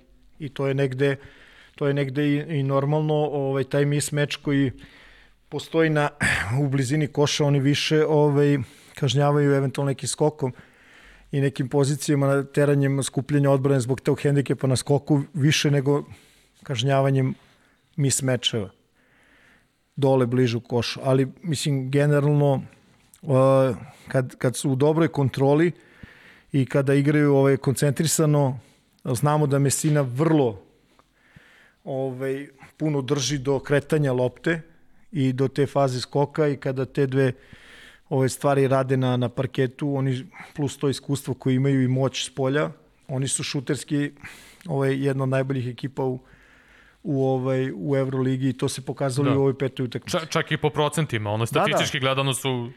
Izvan izvanredni, stvarno Mhm. izvanredni. Ajde krenemo i to polako. A videli smo Gili i Efes koji ono isto tako dobar deo tih uh, mis mečeva rešavao bek, uh, preko bekova u ovoj posljednjoj utakmici su malo više probali da pomere težište pod koš da, da tu napadnu preko Singletona i Jeste, to, da. to je bilo, to je isto vrlo važno. Ovaj, uglavnom da, da, da počnemo, znači Flakadori na, na, na E, dvojci. Je, jedno pitanje samo za tebe, to sam isto spremio. Divan. Po, pošlo je, pošlo, prošlo je ispod radara, Diego Flakadori je promenio šutersku ruku tokom leta. Od levorukog postao desnoruk, počeo desnom rukom da šutira za tri poena. To sam teo da te pitam, ko, koliko si puta to video u svojoj trenerskoj karijeri? Bilo ovih nekih poput Tristana Thompsona koji menju na, na liniji slobodnih bacanja, ali on je u samoj igri. Na ovom nivou, Na ovom nivou prilično Boga onako... mora bi da, da se dobro zamisli. Pa da, pa da, onako baš ispod radara je to prošlo, nije imao neku preveliku minutažu i generalno ja sam radio neke utakmice protiv Albe, recimo u nemačkom prvenstvu i ispogađao neke bitne trojke, ovaj, i ono, prešao na desnu ruku i kao super, sad, sad sam bolji šuter. Uglavnom se vratimo mi ono ovaj, od čega ti leba jedeš, nego slušaj, ovaj, ovaj pik na strani i to je ova situacija o čemu smo pričali. Svih pet utakmica Bayern je stvarno mučio Milano ovom po znacima navode jednostavno saradnju. I tako je otvorio ovu utakmicu i opet su bili efikasni stvarno od, od, od, samog, po, od samog početka. Ovaj, što se tiče, pričao se o tom switchu, ovde je gotovo automatik kada se ovaj, kada je Baldwin na lopti sa, ovde sa Johnsonom, međutim odmah dobra, evo je ta reakcija Traruškog i high-low, ovaj, Lučić odigrao na lopti, međutim dobra koncentracija u rešenju dole i, i, ovaj, i na kraju se to rezultiralo ovim ovim poenima, poenima iz reketa. Ovo je jedna vrlo, vrlo zanimljiva situacija i to je ono ovaj, gde je Reynolds definitivno napredovao ove godine. U ovom rasporedu na, u, u, u ranom napadu Micov vezan na Lučić i to ostavlja Reynoldsu ovaj, ovaj prostor ovde. Nažalost, za Bayern ovo nismo videli dovoljno puta na ovoj utakmici, ali sigurno detalj koji vredi istaći. Ovde preuzimanje između 1 i 5 i ovaj i ono što je ono što je meni vrlo zanimljivo, znaš, ta strpljenje Milana.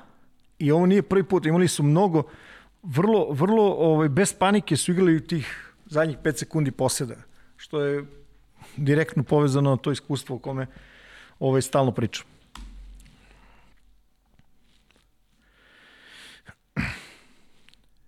Opet taj pick and roll, ovog puta Reynolds sa, u nekoj igri 1 i uh, generalno on je odigrao, znači kad se sve uzme na kraju, odigrao jednu dobru utakmicu po brojkama, međutim otvorio, otvorio sa tri izgubljene lopte. I prosto kao da se trudio da dokaže da je on taj koji mora da uh -huh. uradi ne znam, nešto herojski da bi njegov tim pobedio. Prosto nekako, meni barem izgleda onako, sa, sa strane, mislim, ono kao gledalac, da, da, da, da je izgore u toj nekoj svojoj želji. S obzirom da znamo da, da je to igrač kome su emocije vrlo bitne, koji igra onako što se kaže uvek na full, ovog puta mu je odmoglo što se kaže. Ovde tri igrača prosto nije prepoznao ovu situaciju, ovaj, dosta čvrsto i sudije su pustile to i završilo se, mislim da su bili koraci ili ne znam što sam usvirali. Jeste, ovde Radović svirao korak.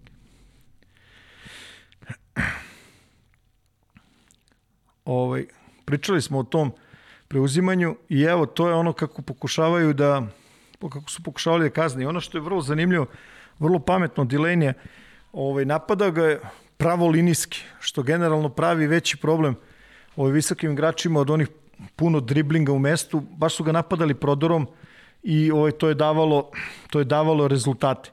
A, praktično ono što se kaže igrači iste iste visine, iste iste ona maltene pozicije Micovi, ovaj, ko je Volodej? Ne. Brooks, nemam pojma, ko je ovo? Brooks, bit. Ili jeste? Nemam pojma, ali uglavnom onaš opet problem taj pick and roll, pick and roll 45. Uh, iskakanja Dilenija bez prvog pasa i ovde malo šaha od Heinza i sve u redu osim što je do duše postojala neka nedoumica između ovde je nedostatak komunikacije između Šiška i ovaj, Silija i završilo se ovaj, trojkom Šilca koji je celu utakmicu odigralo vrlo, vrlo, vrlo agresivan. Vidi, ovo sam morao da ostavim. Rodriguez i čita poziciju Silija koji je ostao dole potpuno vezan za igrača u korneru. Pogledao u rupu iza Radoševića, majstorski pas, kretnja bez lopte i Heinz to završava onako što se kaže rutinski, ali kažem ti, Sili ovde vezan za Šilca u korneru, bez, ovaj, prosto je morao da bude pomeren, pomeren ovaj, ka lopti. Ovde maltene jedna minijatura, šahovska Milana i kazna, realizacija ovaj, Rodrigeza. Međutim, na, na taj kvalitet koji sad pokazujemo Milana, vi vidiš da je ovde ovaj 21-20 praktično mm -hmm. nerešeno, jel?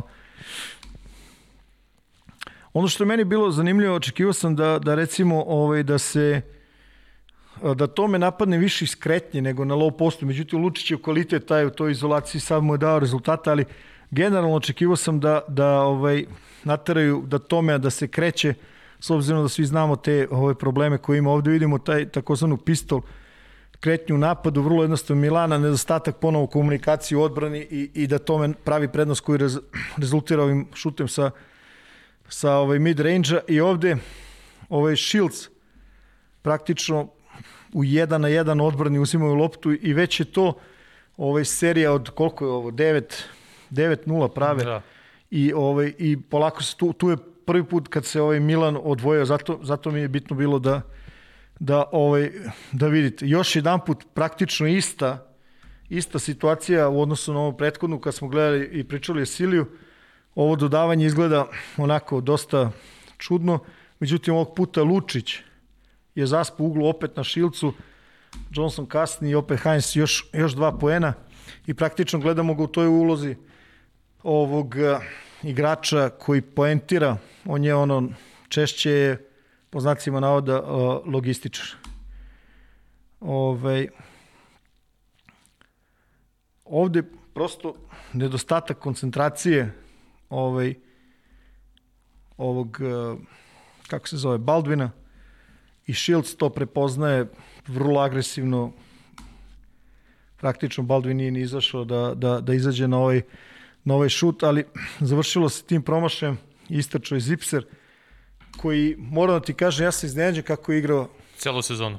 pa i sezonu i ovo, i ovaj play Da. Možda mu ova peta bila i najslabija, Da. ali pre toga imao je neke fenomenalne, fenomenalne, Ako mene pitaš, oni Lučić su ključni igrači bili svih pobeda, ono, najključnije poene su postizali, plus ono Šiško što su od svojih 5-6 poena da sve takođe u nekim bitnim momentima. Pa vidi, kad, si, kad, kad, kad pričam o Zipseru, ja gledam njega i prosto, recimo na trenutke zaboravim na te sve njegove probleme koje ima zdravstvene, mm -hmm. što je verovatno najveći benefit ovaj, Bajerna a, u odnosu kad je taj igrač ovaj, u pitanju. Prosto bio je kao onaj Zipster pre, pre problema. Da.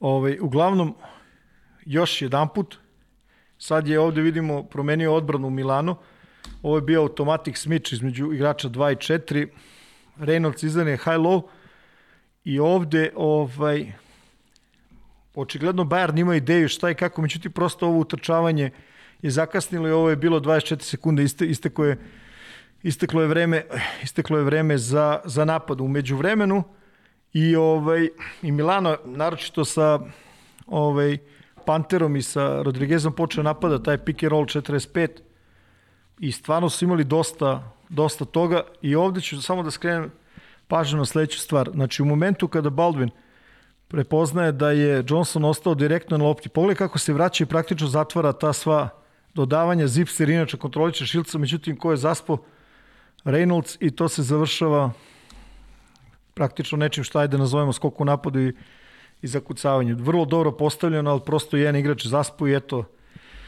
ispalo to što je ispalo. I ovo sam hteo da ti pokažem, pogledaj moć Boldvina na, kod ovih šuteva u Polo distanca i... Neverovatno. Rek, da. neverovatno. To je, mislim, njegov ono forte. Ne, I, I vidi, vrlo, vrlo me zanima kakva će biti ovaj, njegova budućnost, znaš, koliko će ovaj, a, shvatiti ono što mu je Bayern dao ovaj, ove godine. Da.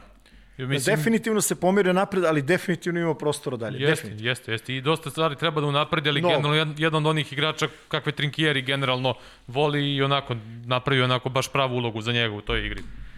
Ovaj, velika, velika moć u toj, u toj, ovaj, u toj igri sa polu, sa polu distance.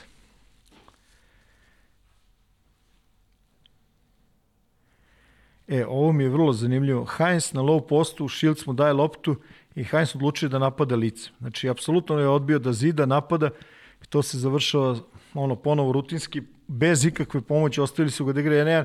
Verovatno su očekivali da će moći da odparira. Prosto nije. I to je recimo jedan deo, ovaj, jedan deo igre ovaj Bayern, ovog Armanija u, u ovoj petoj utakmici, ta, ta, taj koš geterski učinak Heinza koji ono prosto je došao, ajde mu kažem nije odakle, ali pro, naš, presudio je na kraj. E, ovo je ono kad, znaš, kad pričamo o Baldwinu, da li ima nešto da uči dalje, tako dalje. Vidi, ovo je ono je, kretnja koju, koju konkretno oni dosta koriste i vidi, Armani je preuzimao na prvoj. Pomislio nije da gura Lučiću loptu dole na Delenija, što je u ovoj situaciji, pazi, kraj druge četvrtine, obe ekipe su obe ekipe su na, u, u ovom nekom kako Bonusu, se kaže, bonusu. bonusu jeste, 11 je razlika, znaš, ovo je ono što recimo playmaker treba da vidi, Mm -hmm. znaš. Međutim, ovaj, drži loptu duže, duže, duže i na kraju to ispadne, ovaj, na kraju to ispao ovaj, no pass offense.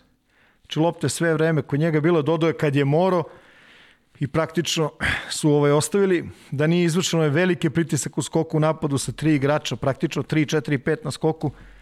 Ovaj verovatno bi ovaj Milano to odbranio. Ovako završilo sa tim, tim poenima. E, obrati pažnju sada na, samo gledaj da tome. Pogleda tome kako čita Gista, Delaney čita Gista, bam. Dobar close-out, samo je zakasnio s obzirom da, da je ovaj, da tome vrlo brzo u izbačaju i vrlo malo prostora mu, vrlo malo prostora mu treba.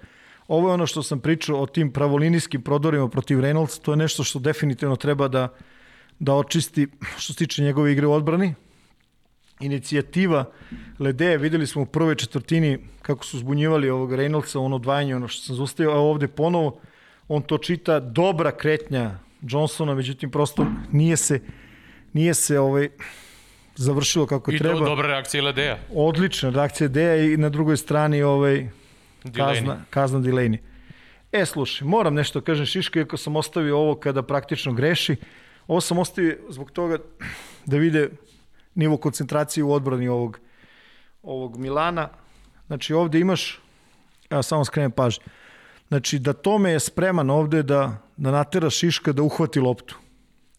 I u momentu kad se to radio, on je uradio svoj posao, vraća se dalje nazad na Zipsera, a ovde je pomeren Šilc ka Lučiću i Lede ostaje konektovan, praktično natrali su Šiška da pokuša da traži pas i pogrešio. Međutim, vidi, ova sezona za njega, mislim da je sada sve jasno, potpuno jasno, da su on, Alosen, što se tiče neke playmakerske ovaj, pozicije i tih mladih nekih playmakera u Evropi, definitivno u, u vrhu.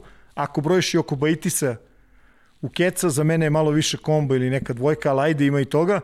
To je on i tu je verovatno ovaj mali Dimitrijević iz Juventuda. To su ti mlađi igrači sa loptom na koje treba obratiti pažnju ali Šiško ima odličnu sezonu odlično, u Euroligi. Odlično, znači, zaista. odlično. Mislim da je postavio, ne znam da li u vrhu je ovaj, onog odnosa između asistencije i izgubljenja. Da, da, znači, da, da. Na, a, ta količina, ta zrelost u tim godinama, pff, pa kažem ti, on, ono, ne, ne daje često preko šest poena, ali tih svih šest poena je uvek U, to su, to su ne, važni, svi su vidim, važni poeni. Sva, ne, znam, je... ne znam za šest, ali kad je tu ono ekipa mnogo više, ovaj, mnogo češće dobro izgleda nego što ne izgleda. Tako je, slažem se.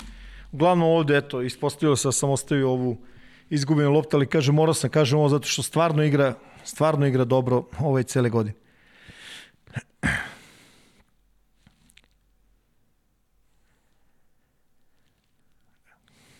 Ove, ovde pas na, pas na gista, strpljivo, i prolazi Silija, nije idealan pas, ali je otišao loptu. Samo kažemo par reči Siliju. Izvanredan potpis tokom sve. Fenomenalan, fenomenalan. On se ovaj potpuno uklopio u tu njihovu celu priču. Dono im je čak malo veći kvalitet u praktično je postao vodeći alternativni kreator, da. Ball handler. Da. Znaš. Jeste. I imaju vrlo dobrih partija ovaj, u ovom play-offu generalno tokom, ovaj, tokom sezone. Prva i, prva i četvrta utakmica posebno. Gde je počeo svoju evropsku karijeru? U Radničkom iz Kragujevca. Uglavnom, idemo dalje. E, ja, ja sam ga ono prozvao u jednom prenosu, ono neka e, evroligaška verzija Bradleya bila, ne po statistici, ne po poenima, nego po nekim pokretima i ono, stalno je na prstima, šunja se, mekan šut, ono, baš onako lepo ga je gledati na terenu, bilo u ovoj ulozi ove, ne samo ove sezone, nego generalno takav tip igrača. Znači, ušli su se u jednu fazu da je, da je Milano ovaj, ima, ima stabilnu prednost, u ovom slučaju dvocifrenu.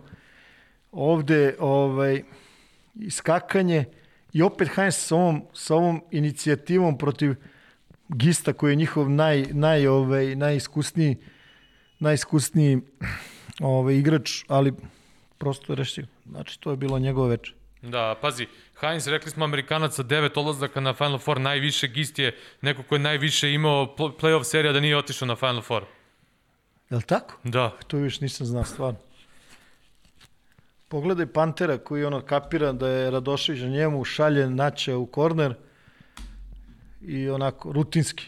I to je ono o čemu smo pričali ovaj, o čemu smo pričali o toj njihovoj spojnoj liniji Rodriguez, e, Delaney, Panter, Panter, koji mogu da reše ovaj, ovu situaciju, ja ne sa velikim procentima.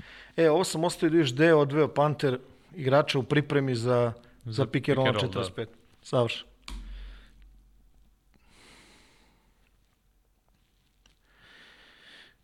aktivnost Šilca, agresivno, mislim, stvarno, ce, ono, celu utakmicu celu utakmicu vrlo, vrlo, vrlo, vrlo dobro. E viš, ajde, vratit ću sam Boldvina, ne, ne želim da budem negativni sve, ali mislim da bi ovo trebalo da bude pas dole na gist. Znaš, automatski. Možda malo ranije od ovog sve. Mm -hmm. Gist bez driblinga i čita šta čita, čita poziciju Šilca i ovde Radošević šta radi. Mm -hmm. A, verovatno je bolje rešenje na ovaj pas da je Brooks izašao. Ovako je Šilt zakasnio sili, šut iz mesta, iz kornera, ono, najpreciznije ove moguće pozicije na, na terenu.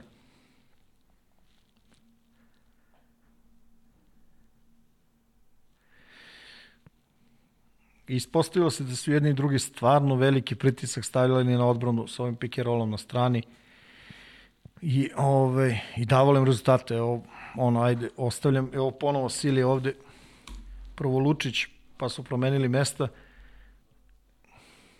Velika je rupa to iz. Znaš, i Heinz je relativno brz roller i ovaj, ovo je rutinski rutinski ovaj ovo onaj Stockton to Malone pick and roll je. I ovo je evo već gledaj rezultat samo obrati pažnju to je već koliko 13. Međutim šta smo naučili od Bajerna? Da se, se nikad ne predaje. A ovo ne znam da li sam ikad vidio. Znači odbranio loptu i Eli upi lupi rampu. Da, da. Grozno. Ovaj Načo to sve ovaj vuče. Čačo, ja. Šta sam rekao? Ti si Nacho Rodriguez. E, e, stalno govorim Nacho. Sad dva put si rekao, ali dobro, nisi mnogo pogrešio jer što više znaš igrača, veća mogućnost da ovaj, i da pogrešiš. Nacho Rodriguez, nekadašnji igrač Barcelone, jel te sada i, sada i GM u Barsi? Je, eto. A? Izvuko si ga iz detinstva. Čačo. Da, da, da, mogu. Da, na, Nacho Sećamo se ono duela kada je napadao Sašu Đorđević, onaj da. filmnoj seriji Barsa i Reala. Ne, ne, to znam, znaš zašto? Ovaj, imam toliko stvari, ovaj, toliko radim. Prosto ono, ja ovo sam morao da ostavim. Ovaj, pade Dileni čoveče. I ovaj, povukoše, ode lopta sa strane na stranu i šiško, I šiško. I, ovaj, I kažem ti, nema prede, on je to baš tvrdo. I evo ga, tri minuta, ajde ne prenosim šest razlike. Iz nekog razloga na zaustavljeni dribling Šilca Baldwin je ostao duže. Delaney ponovo unutar poslednjih 5 sekundi, evo Trinkieri reaguje ono kao u fazonu šta uradi čoveč, ali uradio to što uradio. Odmah posle toga je napao Boldvina. Šiško ovde pomeren dobro, međutim ovaj, skočio vertikalu i to je bila kazna. Evo vidimo koliko je to sad već 9 na minut i 24 i praktično poen ovaj, praktično poen koji je odvojio Milano. Da, i ovakav način daš trojku, ovo svi kažu kraje, ne, nemaju više šanse. Yes. Međutim, Ne, ne, da, evo ga, ostaje sam. Znači, 20 sekundi odbrane, odbrane ovaj, ovaj prodor, napuni tu Heinz. Čak i ovde Stigo na šut. izašao na šut, izvodi se lopta, Shields izgubi je i onda Shields ponovo u demarkiranju faul napada automatik i vidi se da ovo lopta nije uvedena ajde da ne pričamo sad stvarno ne znam pravila i tako ali znaš ono i ovaj, uglavnom ono što je ostalo na kraju E, sad, Čika Heinz. Pa da, ali ne radi se o tome, vidi, da, da je recimo postigao poen, ostavio bi vreme, ostavio bi vreme ovima... Milano. Jest. I ovde nije sačekao ni Lučića, ni Zipsera, odlučio se probije. Pogledaj Reynoldsa koji i dalje pravi blokadu, znači on je generalno pasivno u ovoj kretnji, ne prati je, to pomaže Heinzu da izađe na loptu, vertikala, ruke gore i ovom već kontakta na lopti prosto je odbranio i to je bio kraj i to je bilo praktično posed koji je odveo Milano posle koliko godina? 28, od 92. 29. Od 29. Znači 92. Philips Milano izgubili su od Partizana tada u polufinalu, ona ekipa sa Darylon Dawkinsom, Johnnyem Rodgersom, Pierre Montekijem, Antonellom Rivom i ostalima. Ricky Pitis. Antonello Riva. Da. Si bio na utakmici u Hale sportu? E, ne.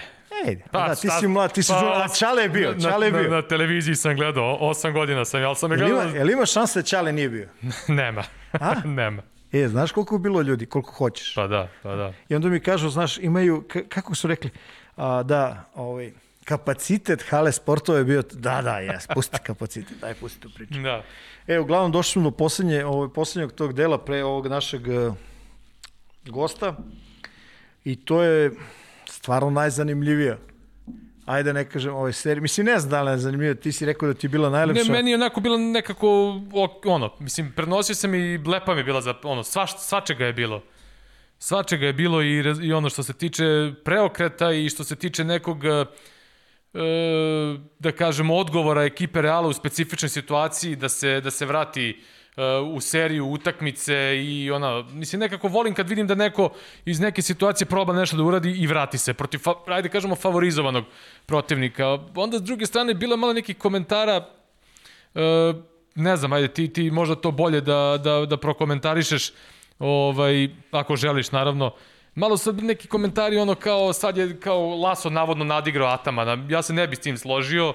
Ovaj, probao je, dobio je neke rezultate, ali ipak ono, prva utakmica 27, druga 23, treća vodio 15 na 5 minuta do kraja, ne bih ja to baš rekao da je nadigrao, ali izvuko je u datom trenutku maksimum, uspio da se vrati u seriju na kraju, mislim Efes sasvim zasluženo ide, ide na Final Four, tako da, ono, Da. Pa, A, ali videli smo, eto, izvuko je Laso, ono, posle dve, tri sezone pauze izvuko ono 1-2-2 zonu, sad igra u nekoj match-up varijanti sa čovekom, sa preuzimanjima vidi. I Efes je imao problema, i je imao problema da se prilagodi na to do pete utakmice. Ja, ja to gledam malo, malo drugačije. S, Mhm. s delom toga što pričaš se slažem, s delom prosto razmišljam malo drugačije, ali sad ću ti reći. Prva stvar, Real ove godine spada u grupu onih timova koji su uradili veliki posao bez obzira na playoff. Apsolutno. Ili plasmanom playoff i ovim igrama ovaj, tu su praktično potvrdili stvarno ovaj, da su imali uspešnu sezonu i pričali smo o tome. Znači šta god da se desilo, Zenit je uradio dobro posao. To je moje mišljenje. A šta god da se desilo, Bayern je imao dobru sezonu. Uh -huh. I još neki timovi i tako dalje i tako dalje. A Real Madrid je ove godine ostao bez Randolfa koji je za njih vrlo važan uh -huh. igrač i kao takav ako je važan si za Real, bio bi važan svak drugo. Ostali su svesno bez Kampaca, I bez deka. bez Deka i imali su tokom sezone probleme sa određenim Ljulj, Rudi, Igračima. povrede, Ljulj, Rudi i još Ali neki. ono što je mnogo važnije, iskoristili su ovu sezonu, Da odrade neki rani rebuilding. pa nije, vidi, oni su vrlo svesno uradili. Mm -hmm. Znači, Došao Balde, Abalde je kupljen, uh -huh. Abalde je kupljen za dobre novce. milion i nešto su dali za Dobre Bayern. novce su dali Valenciji, mm -hmm. a Losen je došao, došao je Garuba. I ti praktično imaš tri To je, španska... to je, spustili su ga Rubi minute, da. I ti im, da, e, to sam mislio. Da. I ti imaš tri španska mlada igrača, praktično, e, koja možeš da, ako se ispostave da su na zadatku, mislim na zadatku, po znacima navoda, da su do, ovaj, dorasli tim zadacima, ti ih imaš za sledeći period, nema pojma, 10 godina. Uh -huh. Znači, praktično spremaš spremaš ono što kažeš ti rebuilding, ali spremaš se za vreme kada Rudi kaže ok, dosta je, kada Reyes kaže dosta je, kada Ljulj kaže dosta je i tako dalje. Kada tako dalje. Carroll kaže dosta je, Pitanje za tebe, koliko Tavares ima godina? Ti znaš 100%. uf, ne, ne sećam se iskreno, sad ovako uhvatio si me nešto. Roko, koliko Tavares ima To, godina? meni on deluje kao da igra ono 15 godina, a, a ono, Šta bi rekao? Nemoj da gledaš, molim te. Ja mislim neki 27, recimo. 28 godina. 28, eto. Da, i pazi, frapantno je bilo, ja kad sam gledao ovo sve i sam pogledam, znaš, pogledam, ovaj, ja ga pamtim još iz godina kad je bio u Torontu. Mm -hmm. I čekali ga, čekali i ok, onda je došao u Real i znaš, i sad kada razmišljaš, to me ispada kao da je u Realu, ne znam, 6-7 godina. Nije. Čak i u Gran Canaria meni deluje kao da je to bilo pre 15 godina. E. A opet, s druge strane, on i kasno počeo da igra košarku. Ali, ali šta hoćeš ti kažem, znaš, i Tavares, za koga mislimo da je ne znam koliko godina, tu je praktično u nekim dobrim, u nekim dobrim godinama. A, sledeća stvar, Da, li- da ne zaboravimo i Tristanu Vukčeviću su dali isto neki prostor. Da, da, izvini, to je, to igrača. je četvrti, četvrti, nazovi španac. Kad kažem španac, pričamo o ovim igračima koji su proveli dovoljno vremena u mlađim kategorijama i dobili su to š- takozvano špansko košarkaško Košarkaško, državljanstvo. Da. E, i to, e, bravo, to su ta četiri, uh, nazovi španca na kojima će sigurno oni da jedan deo ovaj, uh, svoje budućnosti baziraju. To je gotovo Da. sigurno. I sad pazi ovako, u toj celoj priči sa Kampacom svesno ne dovedu igrača, I- i to- ostave prostor Olsenu i definitivno sad znaju šta imaju uh, pričamo o Laprovitoli. Laprovitoli i o Ljulju. To, je- I to je rekao Laso, nećemo izliti na tržište, oni pokrivaju Alosen, I s te Laprovitola i strane, Ljulju. s te strane, Laso imao win-win praktično i pre ove pete utakmice. On Mhm. je pobedio. Šta hoću ti kažem? Znači, izlazi i po utakmicu protiv, odlučujući utakmicu za playoff, odnosno za Final Four, uh, izlaze Alosen, izlazi Abalde, izlazi Garuba. Garuba, koji je odigrao... Pazi ono, ja radim četvrtu utakmicu i e, gledam šta sve Garuba radi kvalitetno, što se ne vidi Garuba je nezamenljiv. E, i sad pazi ovo, ja sad završavam prenos utakmice i krećem da pričam kao eto Garuba je odigrao odličnu utakmicu, možda se to ne vidi toliko kroz statistiku. Ja nisam skontao da je on dao 24 poena. Da, da. A koliko dobrih stvari ovih nevidljivih što nije u statistici uradio, uopšte nisam vidio da je čovjek dao 24 poena, ono ne znam koliko skokova je I imao. on, je, on, je, on ti je ono dokaz da, da igrač koji je ono, ovaj, uh, fajter, koji je takmičar, Kakva energija, koji Gile. ima ogromnu energiju Znači, na- na u tim 27 godinama, znaš, Da. u tim godinama. On je Ja sam imao slučajno, znaš, slučajno sam se nešto više zainteresovao za njega. On je bio ovaj uh, u reprezentaciji koju je vodio moj pomoćnik iz Estudiantes. Mm. -hmm. Pa sam ga ja pratio, po znacima navoda, malo više nego, ne znam, ostale te, nazove, španske mlade igrače. I mi smo pred ovu, ovu prošlu sezonu, izvini, baš smo pričali da li će Garuba dobijeti minute. Kaže, i on mi, mislim, taj momak zamora mi kaže, da, dobijeće sigurno. Ja kažem, čekaj, bre, stani, real. Kaže, vidjet ćeš.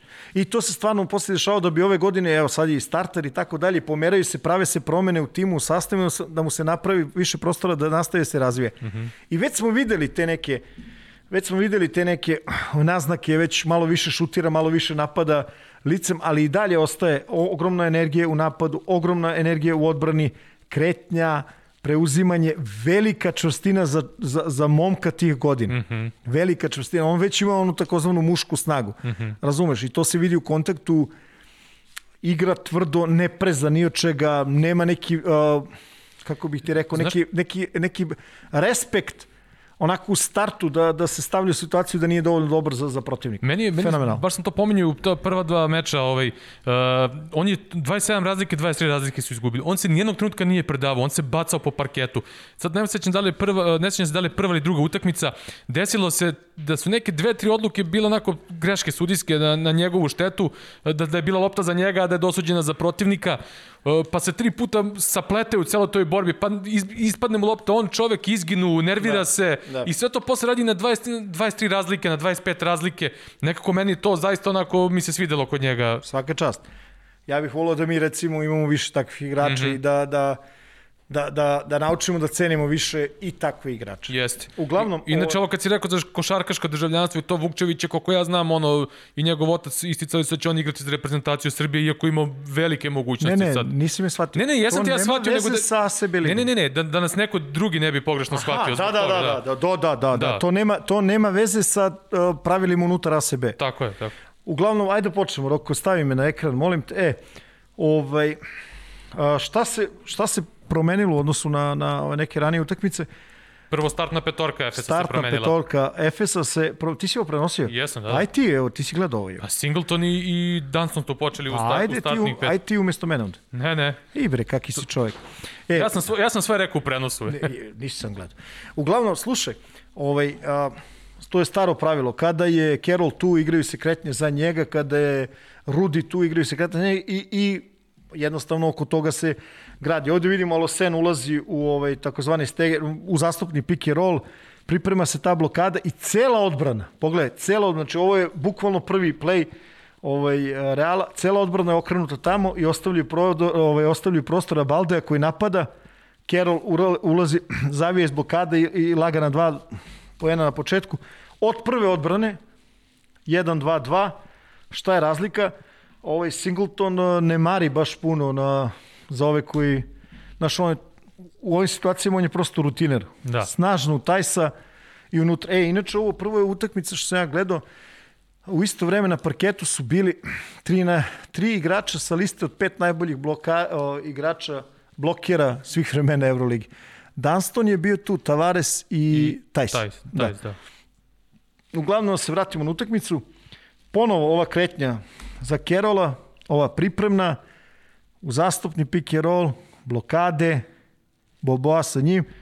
Pogledaj Larkina koji ovdje igra na pamet, Alosen, evo ovaj moment, opa, prodor, De, dete to vidi i šta zna dete šta je. šta je 300 kila. Uglavnom, ponovo ova, ova odbrana i ovde se već vidi ovaj tendencija, znači vidi se šta je ovaj Ataman spremio, to je ovo opterećenje. Vidiš, Larkin odlači Da. igrača i to je bila njihova osnovna, Osnovna ideja. ideja, da. Jeste. Ovde se ovaj, preuzelo i ovo je ono ovaj, o čemu si pit, ovaj, pričao. Singleton je jedan od redkih igrača na ovom nivou da može da igra i unutra i s polja. Znači on je realna prednost, pret, pretnja sa tri poena i vidjet ćemo posle realna pretnja na low postu. Vasa u ranoj fazi, znači bukvalno početak utakmice, Pipa Tajsa odlazi do kraja i to je prodor ovaj, do kraja. Inače Micić ovaj, Vasilis je odigrao još jednu izvanrednu utakmicu. Ovde opet preuzimanje Garuba, ovo je ovaj, Abalde, Singleton do kraja. Samo ću skrenuti pažnju na jednu stvar. Taj se ovde potpuno vezan po, pozicijom Dunstona, to je ono što si ti pričao. ovo ću da radim stalno, znaš. Ovo je sa ovo dva unutra, tri s polja. I kako su rekli, da nije to raspored za igru 1-1, ja? Ne, nego da ne može spacing da se pravi. Aha, ne može. Ne može. ovaj, uglavnom, ovaj, ode, ode Singleton prilično sigurno do kraja, uz to agresivna kretnja Andersona skok. I, ovde. I ja samo ću da skrenem pažnju, Garuba je na vrhu ovde. Idemo, gledamo dalje. E, to, to ono što je Laso radio ranije stalno sa Markusom Sloterom kad igra 1-2, da on mu je bio gore na vrhu. Jeste. E, ovaj, e sada imamo mali problem. Ovaj, šta se dešava? Ovde su povukli ovde su povukli ovaj, eh, odbranu, isto je opterećenje koje Efes radi, međutim problem taj s Alosen, gde Alosen prati ovo je ovaj, igrači iz kornera za kucavanje za kucavanje danstva. Inače, on je u napadu bolje igrao nego inače, ovaj, šta sam rekao, inače igrao bolje nego inače, bože dragi. Ovaj, igrao je dosta, dosta sigurnije i on, i posle toga La Privatolo bez, bez, ikakve, bez ikakve priče. Uglavnom, u ovom momentu, evo ti šta se ponovo dešava. Ponovo odlači. Znači, jeste, odlači. Međutim, problem je što Carroll nema pojma šta se dešava mm -hmm. iza njega. I na ovaj pick and roll, i vidjet ćemo posle celu utakmicu je Real imao problema sa ovom kretnjom. Da. I na ovu kretnju on izlazi na loptu i praktično niko nema ovaj na Tako je. Viciću. I to je dugo vremena bila jedina, jedina trojka za, za Efes. Mm Hm. To sam baš i, i spomenuo ove stvari u prenosu. E, baš mi je drago. Da ti se pohvalim. Je. Divno. E, o ovome sam pričali i prosto to je nešto, Ata, Ataman veruje u to, pokušava, a kad god može da reši ovaj pick and roll sa dva igrača. Znači ovde vidimo Singleton ne pomaže, iako Garuba nije šuter, ovaj, Micić je ostao vezan na, na Baldoju i to je, ko je ovde ostao sa Kerolom? Ovo je, je li Balbaj već ušao? Balbaj, Balbaj, da. I zakucavanje, zakucavanje za, za Tajsa. Dosta teška, ovaj, zahtevna ovaj, način odbrane, ali ok, mnogo, mnogo timova, mnogo trenera ga koriste. I dalje je Garuba na vrhu i osnovna ideja je bila da posle kao sviča ovo ima. Međutim, ono što je ovde zanimljivo, ovaj Micić je nasao, našao Kerola i sad su spustili Kerola dole na, na low post. Isti, isti problemi ovaj, za rasporeda, samo što je Dunstan sad odlučio da usme malo višu poziciju da bi vezao ovde Abaldeja u odnosu na Balbaja. Ovaj, Singleton unutra, taj se malo ohrabrio, što se kaže, međutim kasni, prosto je ovaj prosto je siguran. A, izmena, Shanley je ušao umesto Dunstona i namerno to, to ovaj, naglašavam. A, Zbog Tavaresa. zbog Tavaresa i ovaj za razliku od Dunstona on ima tu taj deo pick and pop igre popa, jeste. i na nekim utakmicama štirao fenomenalno u ovoj seriji ne toliko ne dobro. toliko, da. Počeo je prve dve utakmice tu i tamo, ali E, ovo sam ostavio, samo ti pokažem, pošto godinama slušam priču od ljudi, ovaj, Singleton, Singleton preplaćen i tako dalje. Moguće, nemam pojma, ovu utakmicu odvoje svoj tim u Final Four. Pogledaj ovaj play. I pošto znamo kako se završila utakmica, kojim rezultatom, Da. E, možda je i ovo odlučilo. Mm. -hmm. Sveći prošle nedelje kad smo pričali Jeste. šta je uradio ovaj, Okaro White Da. svom timu. Jedna lopta možda promeni On je svašta. Okaro White iskinuo sa obruča čisko. Jeste. Svoje tim. ja nemam pojma gde je Simon prošao, ali je prošao i definitivno ova utakmica koju su oni Micić obeležili i cele sezone mora, mislim, mora se priznati da igraju izvanredno, mm -hmm. obojica, i mislim da ne postoji trener koji će reći nešto drugo, osim da je Simon, ta nazovi formacijska trojka u Efesu, verovatno najbolji ball handler ili najopasniji pick roll igrač u Evropi. Mm -hmm. I on daje posebno kvalitet tom, tom o Efesu, sa njim praktično postoje četiri igrača koji mogu kreiraju iz pika. Jeste. Uh, klasičan ono, takozvani rogovi, uh, međutim, ovde samo ću, znači, uspeo da sačeka ovaj La Privatola Tavaresa, koji generalno spadaju igrače koji drže taj pik, uh. -huh. što je problem za Larkina, svakog drugog od ovih bekova, i to ostavlja ovaj prostora da se ovaj playmaker Reala uvede u igru o, po znacima navoda nešto lakše nego što je očekivano. E, fenomenalna odbrana ovde, znači prvo pomoć, ovaj, Tavares dobro postavljen, a, pomoć sa prvog dodavanja za ustavljanje Simona, dobar close out ovde Rudi tera Boboa da uhvati loptu. I Tomkins prosto ovaj, radi takozvanu punu rotaciju, kasne na Singletona, on to rutinerski iz ugla i već je nagovestio da će imati fenomenalnu fenomenalnu partiju. Ovo sam ostavio ovaj, da pogledaš kaznu iz ugla, znači Boboa relativno nisko i dosta sporo i predugo ostaje ovde u kontaktu. Simon vezan i generalno je to način na koji Ataman brani i ovaj, otvorio se Rudi ovaj ovaj šut, za njega smo već navikli da je korak iza tri poena, njemu je to ono lagano, što se kaže. I u ovom momentu, znači polovina druge četvrtine, ovaj, Real u, u nekoj prednosti, a, igraju čoveka, Tavares je unutra i nisu se odlučivali i pogledaj, i nisu se odlučivali za ovaj, sad na trojku, na trojku ovaj, Rudija, Čika Simon, opa, no pass offense, 3 poena, mnogo važan, mnogo važan, ovaj, mnogo važan poen. Ovo, ovaj, e, ovo hoću da pogledaš, samo ću prokušat ću, ovo postaje Vasin, da kažem, kao neki signature move. Mm -hmm. To je taj široki pick and roll gde on namerno izlazi vrlo široko oko igrača koji pravi blokadu i u momentu kad je u liniji sa košem i sa ovim, ovaj, se zaustavlja, ima taj duboki skok napred, veliki problem za, za odbranu i daje tri pojena. Konkretno na ovoj utakmici imaju dve takve trojke, tokom sezona ovo smo videli veliki, veliki broj puta. Ovde se vratio Real u zonsku odbranu, sada je... Rudi napred. Rudi na vrhu i pogledaj sada, La Priotola odmah ovaj, prati Larkina, izlazi ovaj, na high posta, izlaze, ali istovremeno i ovaj, kako se zove, Tompkins i, Ru, i Rudi. Rudi. Rudi nema pojma da nema nikog iza njega.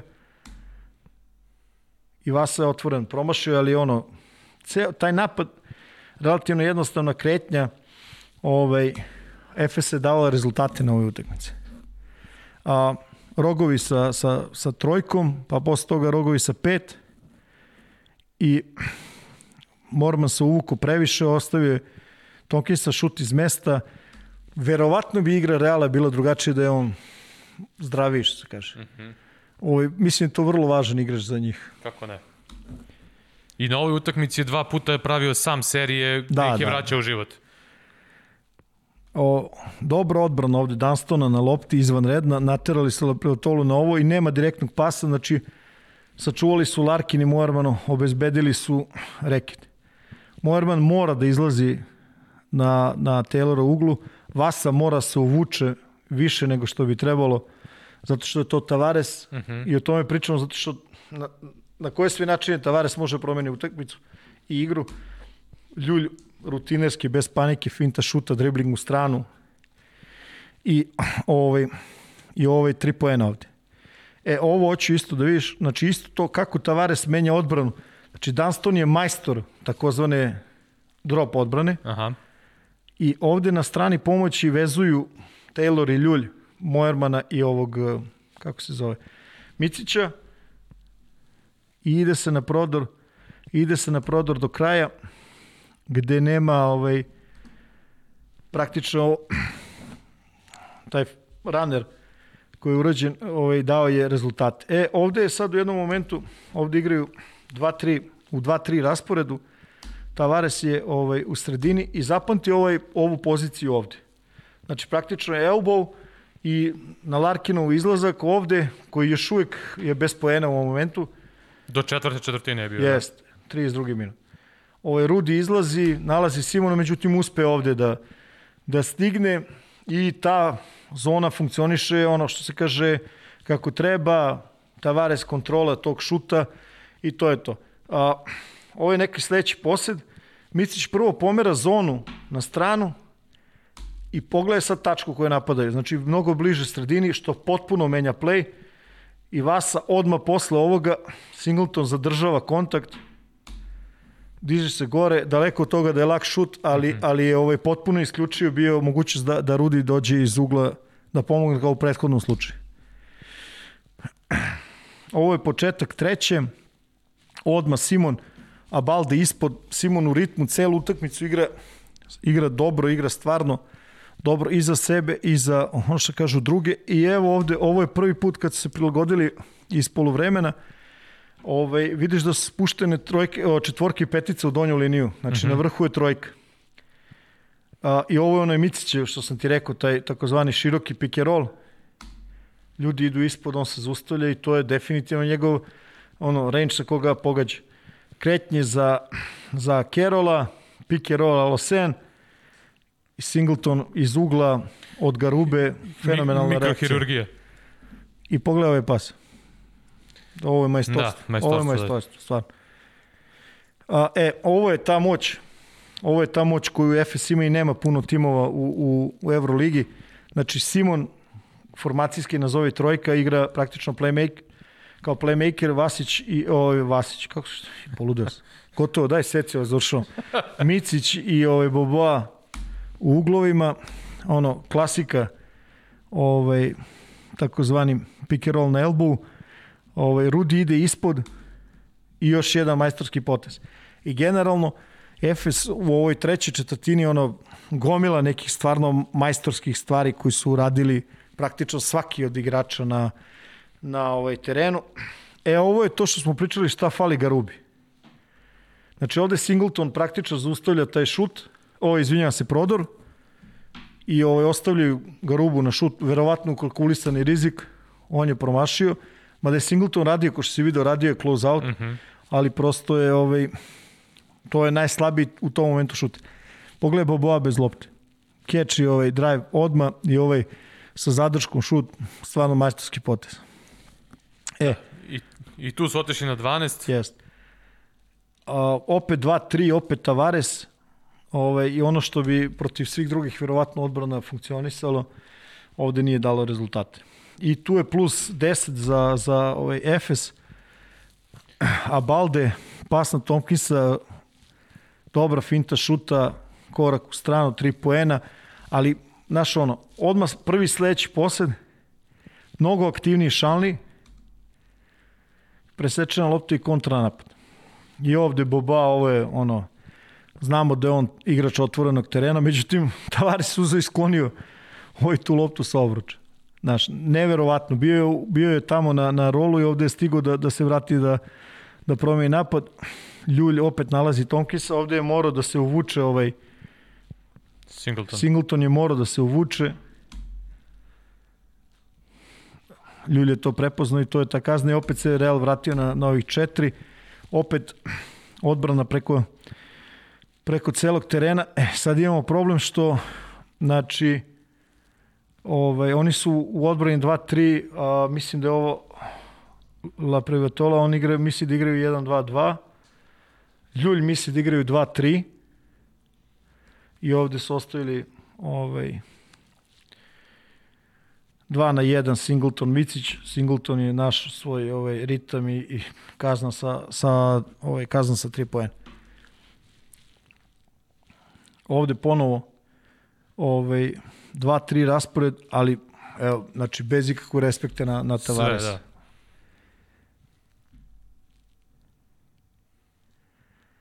Garuba u jednom momentu potpuno izgubio je Singletona i već kasno i, i Efes. I, I izvuko je Tibora Plajsa Ataman za, va, kao važnu, va, va, važnog keca iz rukava u završnici utakmici, iako ga nije uopšte koristio. Apsolutno, e, to sam teo, da. znaš kad sam nabrojao, znači Dunston je počeo, pa sam rekao namjerno učio šalni, vidi, Plajs je treći treća petica Efes. Da, čak, čak je bio i druga. Ne, bio je i nosilac, imamo utakmice da, da, da, je, da iznosio. Do povrede, bolesti i sve ostalo, da kad se vratio nije, nije, nije bio toliko u rotaciji. Generalno nije bio sjajan snimak, te sam dosta kako je dao trojku protiv, protiv ovog, uh, kako se zove, Tavaresa, Tavaresa da. da. I ovde isto, ovaj, u... Imao je pet poena u ono, ne, neviđeno važnoj fazi meča. E, i ovde prosto pocenili su Larkina, bez obzira što je na nula pojena. Laprivotola mu ostaju ovaj, previše ovih previše prostora i Larkin se tu otvorio, tako je počeo jednu dobru epizodu do kraja utakmice. Da, 10 pojena dao u četvrtoj četvrtini. Praktično 8, ovaj, 8 minuta. Gle koncentraciju ljulja ovde. Nevjerovatno. Da. I Niko sa 3 poena i to je ta trojka i opet se ne da reali. Je opet ono, gledamo, vidi rezultat 7-3, 7-2, 4 minuta do kraja i tako dalje i tako dalje. Ovde Larkin dva put, jedan put ispod, drugi put ispod za ustavljanje šut. Ovaj, dosta, dosta težak šut, ali je dao, u ritmu je, osjeća da može, razumeš, uzima na sebe. I to sam teo ti kažem, znaš, on je pokazao, odlask, posle kampaca, on je pokazao da Real može da, da. da računa na njega. I znaš što je najgore? Znaš, ono kad brojimo igrače, sad ti imaš argentinsku reprezentaciju sa četiri igrača koji igraju na lopti, ovaj, na visokom nivou. Znači, Campazzo, ovaj, La Privatola, uh, Vildosa, Vildosa i Bolmar. Mm -hmm. Četiri. Reci kakav, kakav period dvomesečni ili malo da proširimo za argentinsku košarku odoše svi u NBA? I bre, A? neka. E, ovo ono što, o čemu si pričao. Rutinski. Vasa napada ovde, ko je ovo ispred njega? A Balde, Balde. plaj skretnja bez lopte, polu horog, I to je tih poena u vrlo kratkom, pet, pet poena, poena da. kojima se priča.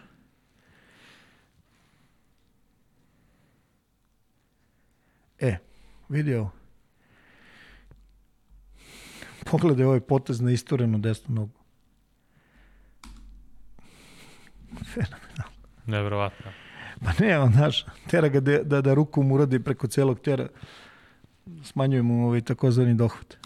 E, Sama, sam kraj utakmice, osam ostaje zbog Tavaresa. Drži blok i stigo je da se otvori na, na vreme za, za Eliup. I dosta hrabar, onako potez, uglavnom ušli smo u zadnji minut, nerešene. Da. Tomkins napada loptu i na kraju Čika Simon rutin, rutinski ne. odvodi svoju ekipu Na, četvrt, na četvrti Final Four u istoriji. Na Final Four i ono, prosto im pada kamen srca, kapiram da je bila ekstremna količina pritiska na njima. Da, apsolutno, nakon svega i odgovorili su na pravi način. Koliko misliš samo za kraj ove priče Euroligi, koliko misliš da je ova stvar koja im se sada dogodila dobra za njih, jer su jedno vreme šamarali sve, ono, maltene su izgubili osjećaj, ono, dobili su po 20-30 razlike sve. Da li misliš da je ovo možda dobra stvar što im se desilo da ih je Real ovako iscedio, da ih je testirao, ili kako ja rekao, u su udario ih je u glavu, malo da im, ono, da ih, da kažem, osvesti onako, da ih vrati na, na, na zemlju? Pa ima ona čuvena, ovaj, nikad nije dobro kad se izgubi, ali generalno oni su gubili dve utakmice, ali su dobili seriju ja mislim da će se ono maksimalno uzbiljiti ono jer imaju jasan cilj znaš ono čak, čak meni to dugo nije rade on, pa to vidi, nije ono, bila neozbiljnost da neko ne shvati pa pogrešno nisu se oni ni pa igra je Real dobro tako bre, je tako je je nisu se oni ni opustili ni ništa oni su imali čak taj neki govor ja sam to pominjao par puta u prenosu da mi se to čak i sviđa kod njih oni dođu ono polupaju 30 razlike bez loženja bez ičega ono ćao, ćao, bace kosku i idemo kući, ono, mislim. imaju kvalitet. Čovječ. Kvalitet, rutinu, znaš, ono, i Nema, I, nema i sad ih je Real ozbiljno istestirao i ja mislim da im je učinio uslugu za, za Final Four. Nego slušajte, popa, Hoćemo... popada smo ovde, ajde, da. i ovi ljudi, e, Ja se izvinjam, možda peglamo s ovim analizama video, ali šta da radim? A dobro, važna je faza sezone, ja mislim da je bilo onako dosta suštine ovde u, u ovoj epizodi. Nemam pojma, A? ali uglavnom, nadam se da će ih razgovor sa, sa našim gostom ovaj, malo osvežiti. Da. Ako ništa drugo, preneće tu atmosferu, nadam se i na njih.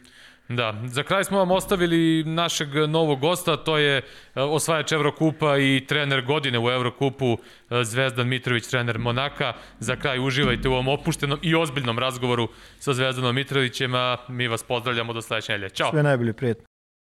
Uh, monsieur Mitrović, uh, bonjour, ça va? Ça va, ça va. Dunav.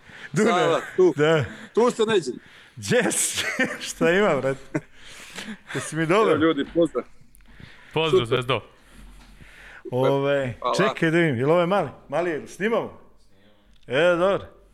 Ovo, e, da se ja prvo u tvoje ime izvinim ljudima, pošto će tokom ove naše priče čuti se helikopteri.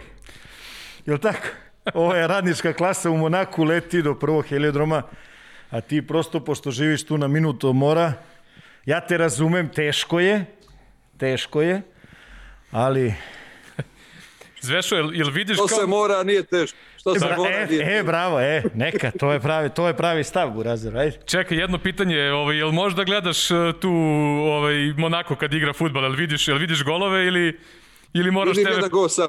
Jedan A, sam. samo jedan, znači, kad, kad Monako napada na jug ili na sever, a? E, na ovaj dio. Zapad, ne znaš što je. Nije, da, Ovaj. da ti kažem, menjaj onda lokaciju, ne vredi. Ako ne Dovoljno vidiš... jedan. Čujem, čujem, čujem usklike kad daju go, to se E, nije čulo. e, e, neka, Burazer. Kako si? Evo, super, hvala. Odlično. Jesi se, odmori, jesi se odmorio od uh, ovog velikog uspeha i osvajanja Evrokupa, umeđu vremenu si i od prošle naše epizode proglašen zvanično za najboljeg trenera Evrokupa. Kako, kako je sve proteklo, kako si sve ovo video, kako si sve ovo doživeo? Prekide se malo vez. Sad će ti ponovi. Ajde, ponovi. Re, rekao, ovaj, ka, kako si se uspeo malo da se odmoriš, kako si doživeo sve ovo, umeđu vremenu si proglašen od prošle naše epizode zvanično za trenera godine u Evrokupu, jel ste, se, jeste malo došli k sebi? Pa bilo je onako naporno, prilično, kažem naporno, naporno. Posle utakmice odmah direktno neko slavlje, pa onda bez spavanja od ovamo povratak, doček tu nekih, umoran si od nekih eh, dobrih stvari, od, od, od, od prijema, pića, jela, čestitanja, odgovora na čestit i tako dalje, tako da bilo je onako intenzivno, više za moj stomak napor nego za glavu, ali dobro je. Sad sam, sad sam evo, dva dana sam malo ovaj, krenuli da treniramo i, i ovaj, sad se vraćamo u neku normalnu, normalnu radnu formu. Ve, već počinje francusko prvenstvo praktično. Kad sutra igrate, jel tako, nastavljate prvenstvo, jel? Sutra i onda kreće ovo ludilo, ovo pola prvenstva što nismo igrali, sad će da ga, da ga spakuju u jedno mjesec dana, mjesec i, ne znam, tamo 10 dana, da jedno 16 utakmica treba da igramo. E, nešto su Francuzi razmišljali o nekom final eight-u, to verujem da tebi i Monaku ne bi odgovaralo s obzirom da ste prvo plasirani u, sadašnjem, u dosadašnjem toku prvenstva, dakle, znači ide se NBA sistem, pa šta će dalje biti? Pa vjeruj mi, i ovdje još niko ne zna, evo, koji je danas dan i koji je datum, još ljudi ne znaju ovaj završnu, kako, da li će biti regularno prvenstvo, da li top 8, da li top 4, ovaj, međutim ja kažem, ja imam još 16 utakmica, to je toliko mnogo, u takvom kratkom periodu, ja, ja se još nisam s takvim načinom igre susreo, tako da da li ćemo zato i na prvom mjestu do kraja to, kakve će biti igrači posle svega ovoga, baš onako velik, veliki znak pitanja ispred nas, tako da pojma nema. Reci mi, ovaj, Zvezdane, dugo vremena je prošlo da neko, ovaj, ajde tako kažem, naš ili sa naših prostora ili kako god hoćeš, ovaj, osvoji evropski trofej, u ovom slučaju Eurokup. I boga mi, ako ćemo budemo pošteno, nije da je Monako bio u, ono, u prvoj fioci tamo sa, sa favoritima, je li tako? Mislim, ono, Yes. stvarno, daje, stvarno daje posebnu težinu tome što si uradio. Ajde, evo, sad ćemo o to, tome nešto da kažemo i, i da završimo s time. Ovaj, jel, jel prosto, kako bih ti rekao, Velika je stvar, stvarno. Baš velika.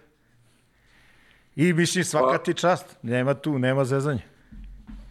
Pa, pa da znaš možda to je neki ovaj razlog što je sve to tako došlo iznenada kao neki lik blagog šoka.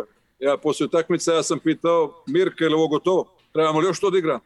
Da. ono mislim, uh, s- stvarno neočekivano i sjajno i šta Šta ti je rekao dobri princ? Mirko. O tome ćemo, po, posle ću da objasnim šta i kako. Kaže, to je to, Zvezdo, gotovo je, jel tako? Ajde, slavimo, brate, slavimo. A reci mi, ovaj, ajde reci nam nešto onako, ajde da ne, da ne vrtimo mi tu tvoju karijeru. Kako to išlo? Pričamo o trenerskoj karijeri.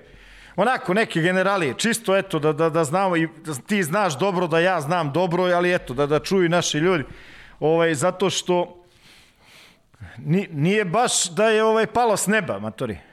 Dugo se to radilo, je li tako? Pa evo, ja sam kao zvanično trener, jel? Živim od ovoga posla, evo, od 92. godine. Eto, Znači, od 30 godina, jel? da, da. A od 2002. sam u inostranstvu. Ovaj, tako da, to je baš jedan dugačak, dugačak put. Ovaj, Đile dobro zna, mi se družimo od početaka sami. Yes. I ovaj, tako da, ali evo, bio je, znači, neki OK Titograd, Pikadili, to je jedna ekipa koja je bila onda kreće posle neki poziv u budućnosti, tu sam asistent bio par godina, pa neki Mogren, nema neki Mogren, Mogren vrlo, vrlo važan, važan ovaj, Za tebe u tom momentu. u mojoj karijeri. Da, da. Skoro su davali neki kanali crnogorski utakmicu protiv Partizana na, na, na ovome Final Eight, šta je bilo u, u Vršcu, gdje, ovaj, gdje ste radili, gdje je Russo bio i, i ovaj, kad smo igrali četvrt finale Partizan i, i Mogren, bilo mi je jako interesantno da gledam to prije, prije baš nema mjesec dana. I ovaj, onda sam se osjetio sam sad u, u budućnosti, u stvari u Crnoj Gori kod nas, da, da ne mogu da dobijem neku šansu da budem kao head coach. I Do, da dođeš na red, se- što se kaže, jel? Da, da, pa tad je to bilo zaista teško. I, ovaj, I onda sam se zaputio ka Ukrajini. Otvorilo se posao, bukvalno ja sam tražio posao negdje ovaj, gdje je bilo, jel?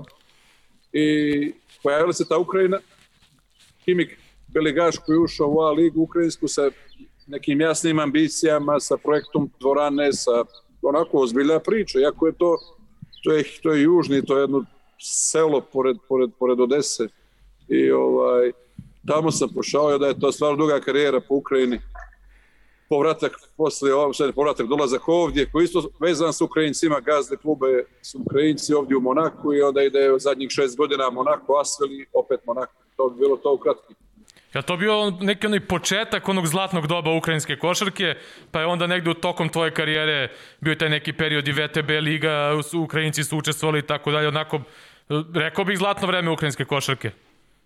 Da, e, realno to, ja sam tamo 2002. godine došao, pa negdje do 2000, tamo ne znam, do rata, ajde kada je krenulo njihovo, ali pogledaj do 2010. dva ekipe nisu one mnogo bile što kažu na radaru košarkaške neke javnosti naše, ali ekipe koje su puno ulagale i, i ovaj, da, imale su izuzetno ovako naporno takmičenje i bilo je interesantno sa puno dobrih stranaca, sa puno dobrih igrača ovaj, i ulagali su ljudi, realno su ulagali ozbiljne, ozbiljne novce. O, tako da dugo vrijeme tamo, možda pred, da sam ostao i predugo, ali tako se, tako se izdešavalo sve, išao sam iz ekipe u ekipu i ovaj, da, bilo je jedno zlatno vrijeme, kao što si rekao. E, ajde, izvini. Jel, bi- jel bi nešto menjao ovaj, e, tokom svoje karijere? Jel, on, kad bi krenuo iz početka, da li bi nešto promenio ili ovaj put kojim si išao ovaj, je nešto čime si ono potpuno zadovoljan? ne može čovjek da mijenja. Mislim, ja, ja sam se opredijelio da radim ovaj posao u momentu kad to nije baš bilo tako lako, jer sam imao porodica, žena, troje djece, ja mladi dozet, ovaj, i odlučio sam se na taj korak ovako dosta rizično. Malo sam u glavi, mogu se uvijek vratiti kući da radim, ne znam, da otvorim kafanu ako, ako ne ovaj, ako ne u košar. Pošto žena kaže ti si ili za parket ili za kafanu, nema ili trećega. Tako da ovaj, Žena Ima sam ne- te dvije opcije. Žena, žena, te ništa ne po, žena te ništa ne pozna izgleda. A, ne, slabo, slabo. Zajedno smo, e, jedno 30 kusur godina, evo smo i babi i džet postali tako E, da... pa to ovaj, hoću da mi kaže. Ti si, na, ti si jedan od najmlađi, najmlađih džedova na svetu, a?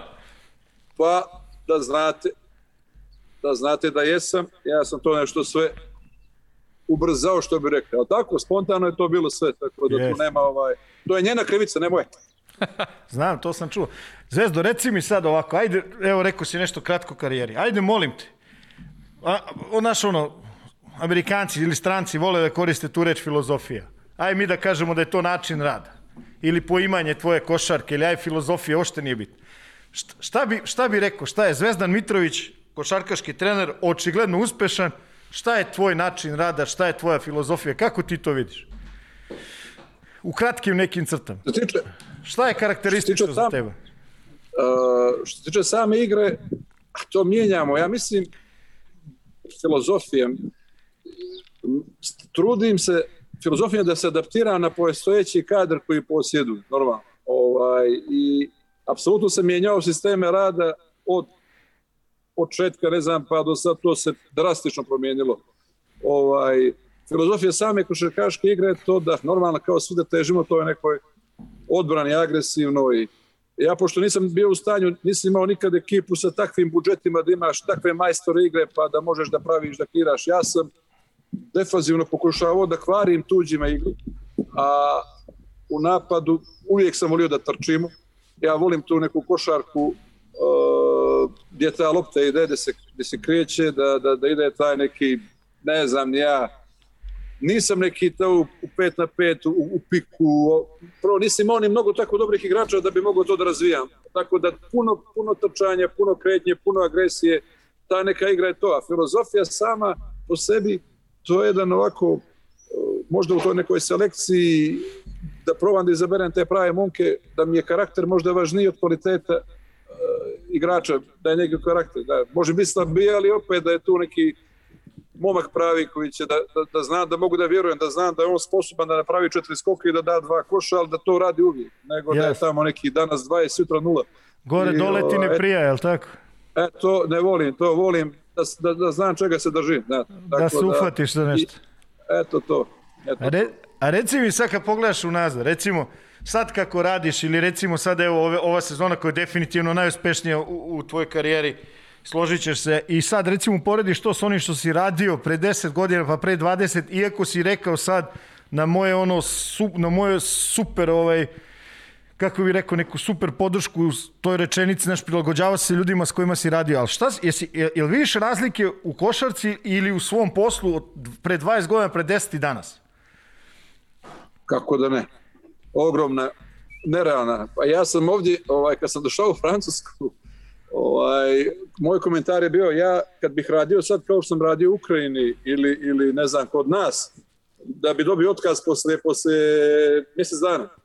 Ovaj, potpuno je to. Prvo, mi mnogo više trenirali smo kod nas kući s našim momcima, to je neuporedivo veći obim više treninga i ne znam, oni su prvo ovdje zaštićeni koliko mogu da rade sedmično, mora da imaju da imaju neka svoje pravila, ali prvo obim taj, taj rad je smanjen nerealno.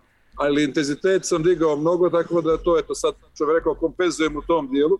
Da, da. Pa dobro, fizička priprema potpuno se promijenila. Ja sam ranije u, tom, u, to, u toj Ukrajini radio sam i kod mene Bata Zimonjić pošalje programe što da piju, što da jedu. Ja mjerim težine, znači radim to, kasete, stari sistem VHS-a, dvije kasete pa gore i dolje, pauza, znači sve to išlo pješke, što bi rekli mnogo. Sad je potpuno drugačije, normalno, sve je to pošlo mnogo naprijed. Uh, Jesu igrači drugačiji? Zvezdo, jesu igrači drugačiji? totalno. Znači, potpuno. Ali ostao mi je taj princip da se opet, uh, što ja njima kažem, to sam čuo od nekog od ovih naših trenera starih, da je opet njima lakše, ja, ja ću da se adaptiram, da probam da napravim igru za, za sve od njih, da im to prija. Ali u nekim dijelovima rada, saradnje, opet je lakše da njih tamo, koliko ih ima, 14, 13, 10, da se oni adaptiraju na, na, na mene nego ja na njih, tako u nekom dijelu karaktera. Jer ja opet kažem, imam nekakvu disciplinu i to, ali nisam neki diktator, imam jedan normalan odnos s igračima, ali se mora znati opet ova, ko je ko, jel? Na terenu. Jasno, na, na jasno. treningu pod brojem. Jasno. A možda nam uporediš način e, rada na različitim nivoima. Radio si kod nas, radio si u Ukrajini, radio si Eurocup, radio si Euroligu, vodio si reprezentaciju Crne Gore, odveo si ih na svetsko prvenstvo, napravio istorijski uspeh. Da li možda uporediš uh, nivo nekog rada u, na svim tim nivoima, tako kažem, u, u, i ekipne i reprezentativne košarke?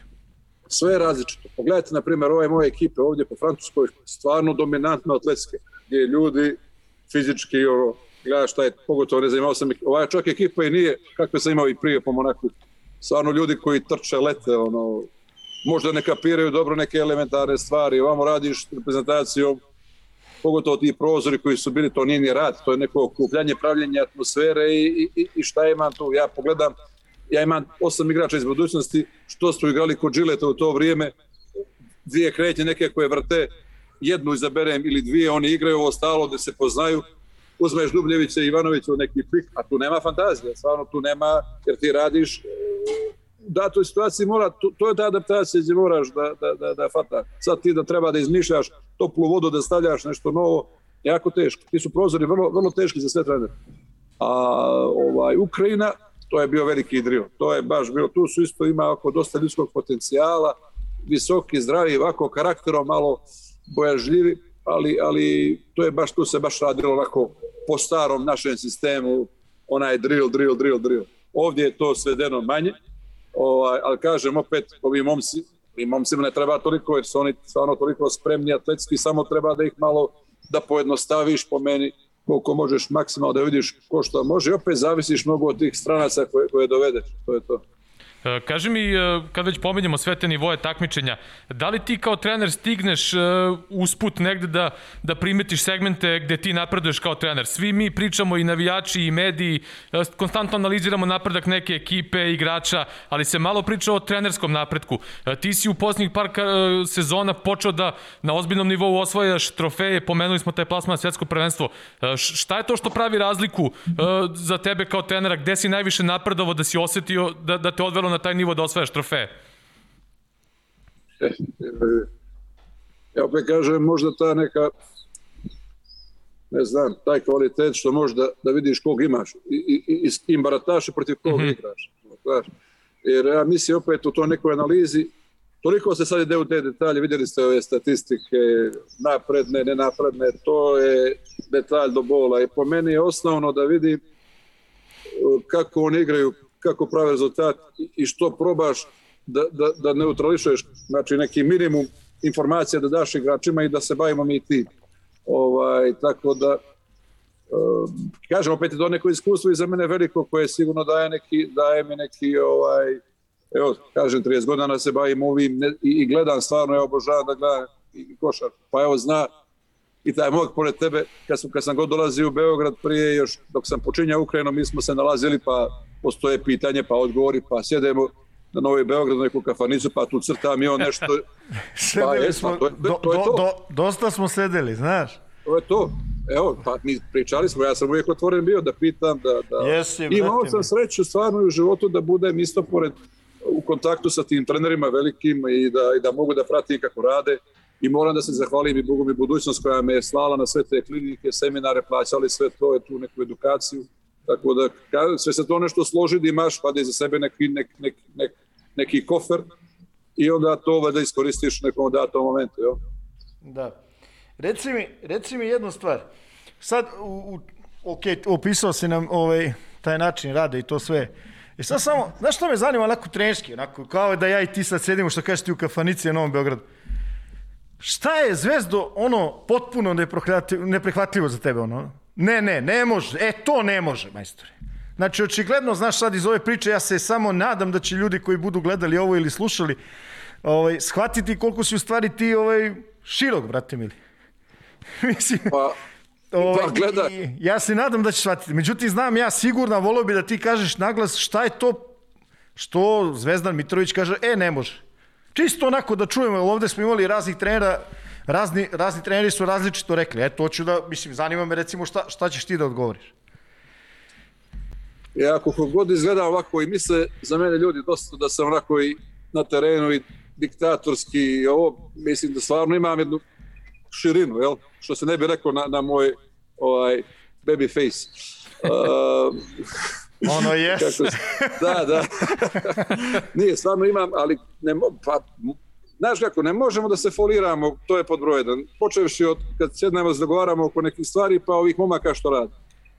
To mi je osnovno nešto, ne može, kad se nešto pravi i dogovara i pravi, to mora tako da se radi. Sad, da. uh, kažeš, sad konkretno se uhvatim za neku stvar kao, uh, ja sam se rekao, ne može. Mene je bilo isto u karijeri, jedan put ili dva put, isto mi je predsjednik potpisa igrača bez moga odobrenja. Ja sam ja tu da puknem. A došlo je i onda se dođe i mi pita, na primjer, Bogdana Tavića. Bogdana, takva je takva situacija, kaže, druže, ko tebe to plaća taj? Pa ili ispoštuje ga s jednim igračem, nećeš veli, ti si, koliko si puta ti promašio u dovođenju, ja rekao mnogo. I tako da, ja uvijek hoću da pitam iskusnijeg, starijega i tako. Znači ima, ima i toga dešava. Nije mnogo stvarno, ne može se desiti da se dovode, ne znam, nije, ali kad sam nešto ne, baš sećam se, to je bila situacija ovdje i onda, kažem, oko, oko selekcije, desi se dovedeti, pa sad u Monaku, u ovome djavu Vasilu isto GM potpiše sa, sa parkerom dva, tri igrača u toku, sve sjajni momci, dobri, koje sam ja snimio, ali gledao sam ih, na primjer, za nivo nekog Evrokupa, ili tako, a mi ušli u Euroligu. Da, da, nešto onda drugo. Bili. Nešto I onda nešto. to su neke stvari preko kog sam prošao jako te, kao da sam kamen ono, progutao, ali ovaj, to ne voli da se dešava, međutim, mi smo treneri sad isto potrošna roba kao i te igrače, tako da ovaj, ne Reci, znam, trudim ne... se da, da to svedem na minimum, eto, eto, ne. stalo je, ok, nalazimo neke, neki, neki moment normalni. A reci mi, kad biraš igrače, sad si tu spomenuo par, par put, mislim par rečenica si rekao, ako možeš malo, malo nešto više da kažeš, kako biraš igrače? Očigledno, rekao si sam, više prema karakteru nego prema ostalima, ali ajde da čujemo malo. Jel imaš prvo, nešto što te posebno zanima i tako dalje? Gledaj, ovako, znaš sam, prvo, uh, uprava kluba GM i oni kažu koliko možemo da se, da se raširimo, jel? Tako je, brate. Ja, neko, to je prvo. Budžet dovodi igrače, ne trener. toliko i toliko imam. Tako. I onda u okviru toliko i toliko biraš igrač, da. I onda kažem, karakter, atlet, gledaj, pošto znam, ja još od naput, i, i ove godine na ovom nivou takmičenja, ja volim bitno, da mi ekipa, da. kad izađe, kao što je onda i Jasvel bio taj, pa kad izađe na teren da ona makar atletski i fizički izgleda, uh, ne sad da kažem da, su, da izgledamo normalno da, da smo apsolutno u ravni sa drugim ekipama koje su mnogo većeg budžeta. Znači, prvo da fizički budemo kako treba. Atletski da možemo da pravimo da, da, da smo ono, jedan u jedan sa nekim ekipama velikim. A onda posle, kažem, karakteri i tako dalje, i tako dalje. Tako da, ovaj, mislim da u ovoj nekoj savremenoj košarci, evo to neko iskustvo Evrolige nije mi veliko, ovaj, koje sam imao i kroz ova takmičenja mislim prvo da, mo, da moram atletski da odgovorim protivniku, a onda posle ako može da nabavi još nešto, to je to. Ali kažem, sve u okviru datoga budžeta. A formacijski gledano? Formacijski gledano, šta, šta bi, gde, bi, gde bi se pre popunio? Unutra, s polja, nije bitno, tražiš kvalitet igrača, gledaš prema onome što već imaš pa da dopuniš ili koji je pristup? Pa, u odnosu, je sve zavisi da li praviš od novoga, koji ti je cilj, što naravno, i kako. Ove naravno. godine, ove godine, ovaj, ove godine smo stvarno Uh, mene jako žao taj Carrington potpisali jedan sjajan igrač. Izvanredan. Izvanredan. I da, bio je Mornaru, da. Ja, iskreno, ja Roba Greja nisam tio na početku. Da, na koš, daje koše lijevo desno, ali potpuno bez defanziva, ništa. To što je igrao prije u nekom burgu, u Levaloa, to što sam ga gledao. Super talentovan dečko napadač, evo sad je bio MVP ovoga finala. Ali ja kad sam ga vidio, prvo rekao, ajde, ja znam kad smo mi igrali protiv njih, ja sam ga zaustavljao s nekim Davidom Lightijem i ekipom, oni ga, oni ga uhapse, i daju preko njega još 20 pojena. Ali ovaj, u momentu kad je mene Carrington pošao, bilo je sjajna da dođe neki čovjek, vidim ekipa, nema, ne može niko da ga da pogodi tablu i onda došao je taj majstor koji nas stvarno digao. Tako instant, da, ovaj, instant kažem, napad, instant napadač. Bukval. I digao se odbrani. Evo, on je baš, ne znam, koliko, evo, gledali ste, vjerujte mi da, da me iznenadio onako pozitivno ovaj, tim nekom tim, tim angažovanošću u odbrani, on na Džamara Smitha igrao dosta i na, vjeruj, nisam, nisam patio s njegove strane kao što... Nije se povlačio nigde, znaš? Da, da. Ne, ne. Mi smo ne. pominjali ono Markosa Najta, ja sam ga i prenosio prošle godine, ono u Nemačku kad završili sezonu. E, koliko si u karijeri imao tog, takvih igrača na toj poziciji da ti donesu preko 10 skokova skoro na svakoj utakmici sa te pozicije? Znači, svi su nas napadali ono kao na trojici, 1,88, 7, koliko ima, ne znam. I, ovaj, I niko da završi. I niko da... ja mislim da smo primili jedno, dva ili četiri koša na koliko seriju ovih utakmica. Ovaj, stvarno, to je samo bilo gubljenje vremena ovaj, kad nas napadaju dolje. Jer čovjek je izuzat, nerealno snažan, Ja. ovaj, skočan, mislim, č- e, rijetko, no, baš totalna Neustrašiv. Neustrašiv. Ne, ne, on, to, on je tu. Pa gledajte, čovjek je krenuo, ne znam, iz neke treće lige, baš mu onako, ali toliko vrijedan, profesionalan. On posle svake utakmice ostaje, radi nekakve masaže, pa šutne. Onako ima neki svoj program, ali, ali je, vidjeli ste sami koliko je energije. Za mene, ja kad sam pričao, Lesor je odigrao sjajno, ovaj je bio. MVP šuter, ali mene je Markos iznio sve. Da. Ovaj, većinu. On je mnogo važan, znaš, poništava neke stvari, ono, mi smo ovde pričali, znaš, sa tih koliko ima 1,88 recimo, znaš, on igra na 1,98 onda u, na kraju ti je super alternativno zamenio Bosta, Bost je praktično igrao samo u fazi kad treba se kreira za poen, ne u nekoj organizaciji, to je bilo odlično, sačuvao te ljude, učestvovao u skoku, davo važne poene. Ako se ja, ja ovaj, dobro informisan, on je dosta teško podneo neke loše svoje partije, u, u negde onako ove, u ovim uh, drugim fazama Eurokupa da bi na kraju stvarno igrao fenom, mislim, mislim da je igrao odlično ovaj, ovo, ovo na kraju što, što se dešavalo. Znaš, Pa mislim, ovo što- stvarno, da, stvarno da, je igrao, 100%. stvarno je igrao dobro i mi smo za Lesora pričali, znaš, je, ti znaš da ja, ja Lesora ovaj, dobro poznajem, znaš šta, vidi, on je sad ovaj novi igrač. Mislim, to je, to je potpuno jedan, to je sledeći nivo. On je sad evroligaški igrač, sigurno. Znači, bez dileme. Ja ne znam, stvarno ne znam kako ćeš da, da funkcionišeš ovaj, u, skupljanju, u, u formiranju tima sledeću sezonu, ali ono, ja mislim da je on tu ono što se kaže siguran. U odnosu na ovaj deo, š, pazi, ako možeš da ga priuštiš, u tom smislu pričam. Ovaj, e, pa mislim, to je verovatno najveći problem. Ali, kažem, ovaj, on je, ono, to, to je to, znaš, ono, što se kaže, domaći evroligaški igrač. Bar ja mislim, tako nama izgleda ono, odavde, eto. Pa da, a mislim, gledaj, prvo njegov, njegovo dovođenje, to je, ako sjećate se, mi smo Štimsa potpisali, Da, pa da, onda sve, njemu sve ide- znam. E, ode za Kinu i onda taj dobijemo buyout i nešto što smo imali za njega i onda skrpimo i onda je to bilo mučenje dugo dok se on odlučio da pristane da dođe da igra ovdje, jer to je bilo ispod nekakvog njegovog nivoa platežni, koliko, koliko vrijedi, jel? ali ovaj... Šta sad kaže, Maj? Da je prvi put dobio ulogu da je, da je glavni centar, yes. da je prvi tu. Yes. I onda u početku, iskren da budem, u početku prvih mjesec, dva dana, ja sam mu htio reći, ajde druže, doviđenja, ali ovaj, polako ufati, nešto, našli smo taj neki, neki, neku komunikaciju i opet kažem, to je, mnogo je lakše, evo, da budem iskren, vod, imam osam igrača, evo sedam, osam i dva, tri klinca, to je mnogo lakše da ja rukovodim s tom ekipom nego kad imaš dva, ne, 14 momaka tamo pa svi, mislim, Da, da. lakše kad nemaš veliki broj utakmica kao što ja nisam imao, zahvaljujući ovim ovdje u, u, u eto, mislim, Svi, da svi, budemo za- realni, jel? svi zadovoljni, jel? Svi zadovoljni. Pa, pa, to je pa, to je Mnogo to je važno, realno, ja- mnogo važno, mnogo važno. Pomenuo si mlade igrače, e, u Asvelu si davao šansu, e, Teo Maledon je kod tebe dobio priliku, ja sam to isto u prenosima, još on u Evrokupu svoje vremeno, iako pokušavaju da ti, pokušali su da ti ospore malo ovaj, to sa Maledonom, međutim on je dobio priliku već u prvoj sezoni da igra važne minute u finalu play-offa i, i u Ev- u Evrokupu bio petorka i završavao mečeve i tako dalje i tako dalje. Kako na to gledaš, e, ajde, pored njega i Strazel i Nua i ovi su svi dobili šansu u Asvelu, E, kako gledaš to koncepcijski kad sastavljaš ekipu i e, daješ šansu mladim igračima na sve to, a opet negde eto jurio si trofeje ove, ove dve, tri sezone pre svega. Volim ja to, ja sam još počeo pukre, ne znam, ovaj Sergej Lišćuk kad je bio još klinac, znači, našao, našli smo ga neko tamo rovnom. Da, da, tim. sećam se vrlo dobro. Sećam se vrlo Čovjek dobro. je za godinu dana došao do nivoa, ali gledaj, to su talentovani momci. I, ovaj, I normalno da oni moraju da zasluže da dođu, da im dam ja te minute, jel, dam. Bukvalno dam, jel? Jer, jer onda... Kreditiraš, to zasluže, oni- kreditiraš, unapred Pa, to jest, jest. I ovaj, tako, ja volim to, međutim, ima ljudi, koliko ih ima momaka koji to ne iskoriste i jednostavno zasluže, međutim, kao što sam rekao, ovaj Teo, pa onda taj Strazel koji je talentovan jako, Ove godine Nego, isto, kažem, ovi mlađi su bili u redu, Zvezda. pa da, dobro su, mislim, prvo mogu da odgovore to što Tako treba. je, tako je.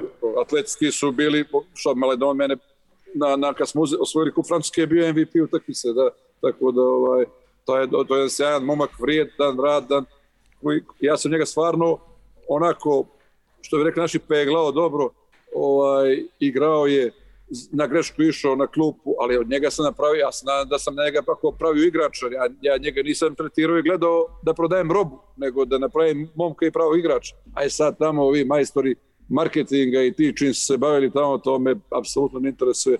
To je jedan dobar momak pravi, evo, baš sam srećan zbog njega što, što evo, igra tamo i i to je kako treba. Naravno. Da, mi smo i baš i pričali ono kad smo predstavili za draft ovaj, njega da će mnogi pogrešiti ako ga ne uzmu ranije, ali Oklahoma je imala dobar nos i znala je šta radi. Uh, Gile voli često da, da naglasi ovde da su nerealno očekivana, očekivanja e, koren svih trenerskih problema. Ja bih rekao i ne samo trenerskih, nego generalno u životu. Kako se ti boriš sa tim nerealnim očekivanjima u, u okolini? Oh, ostvari mi. ovaj, ne, šalim se. ovaj, ne, uh, gledaj, ja, ja stavljam sebi velike neke ciljeve zadatke, ovako oko mene probam da to labavim. Ovaj, et, ne znam kako. Uh, mi kad smo došli ovdje od, iz B lige, evo konkretno Monako, uh, iz B lige ušli u A, i ovaj obično ne znam koliko godina poslednjih sve te ekipe koje bi ušle u A se vraćali bi se nazad yes. u B. Da, da. I ovaj, dobro, nama je cilj, dobro, nismo mi bili za to, međutim, i kad ne znaš sve nova iskustvo i onda probaš, tu su neki ciljevi bili, ajde, da bi ostao u ligu, ne može kaže, borimo se za opstanak, nego cilj je play-off. I mi zašemo kao prvi u regularnom dio. I ovaj, kaže, uh, jako teško, sigurno, pogotovo predostavljam se te naše krajeve mnogo, mnogo teže nego, nego, nego ovdje, ovaj, uh, te neke nerealne ambicije, ne znam, i ovdje isto, kaže, ja možda sebe stavljam dosta, dosta tako nekakvih zadataka i možda ovaj, ali, ali jako je teško, ja gledam, naprijed, pratim kroz neke kolege, kroz neke druge, je, je stavljaju stvarno nerealne nekakve stvari, treba da se osvoji, treba da se ovo, treba ono, a, a, a jednostavno ima mnogo tih što to hoće i ima nas mnogo s istim ambicijama i ovaj, mora se biti realan, ja mislim u svakom slučaju vidjeti što kaže koliko para, toliko muzike, gdje si, što si, ono, treba da se sve izvaga i izmeri. I onda, onda se, ja mislim za to, to je, to je, to je inače u svakom sportu, evo sad gledamo je Manchester City će da igra prvi put finale, a uložio je zadnjih deset godina, ne znam, nerealne novce i sve, evo, sad kažem, sad će da uđu da igraju Ligu šampiona finale i tako, bezbroj, bezbroj primjera, pa ovaj futbalski klub onako to su ulaže, a koliko su to sume, to je, to je nešto nerealno i ovaj, tako da E, taman, taman, taman... to padamo, mi treneri patimo tu najviše. To je to. Da. Zvezdo, ja pitao sam te e, jedan put kad smo radili neki intervju ovaj, za, za sport klub e, da, da približiš našim gledalcima. Ponovit ću to pitanje. Uh, kad si već pomenuo futbalski klub Monako, Didier Deschamps koji je vodio Monako je sa vremeno dao onu izjavu da, da je jedna od najtežih stvari uzeti titulu sa Monakom u, u Francusku. On je konkretno mislio na futbal. Bila je takva situacija i za košarku. Možeš malo da, da približiš tu situaciju? Zašto je toliko teško sa Monakom osvojiti titulu u Francuskoj i zašto je to Didier Deschamps rekao? Da, da, njegova bukvalno kao jako je teško osvojiti francusko prvenstvo, a sa Monakom još duplo teže. Ovaj, postoji ta neka, kako ću vam reći, uh, Specifičan odnos. Neka, Specifičan odnos. Evo vi, ovi, ovi, ovi, ova sirotinja što leti ovamo. Da. ovaj, postoji e, stvarno... Ovaj, da ti kažem, ovo, ovo vozilo, ovo vozilo, plovno ovaj, vozilo. plovno vozilo iz desnog, ovaj, levog ugla se ne pomera, to moraš posle prekontrolišiti šta se dešava, molim te. Šta znam šta je, s druge strane preko desnog rame, molim te, pogledaj tamo nešto, mahni, otko znam šta je. Da miči. tu se usidrio, ovaj, Sidrio se tu. Sad je trka, danas je bila trka ovih elektroformula, pa se došli možda gledaju, ne znam ja. Danas je, ova glavna je sledeća, sad je, danas je dale trening i, i sutra je trka. Bili su all time, ovi kao stara formula, pa je elektro danas, pa sledeći vikend je valjda ovaj pravi Grand Prix. Ovaj, tako da dolaze.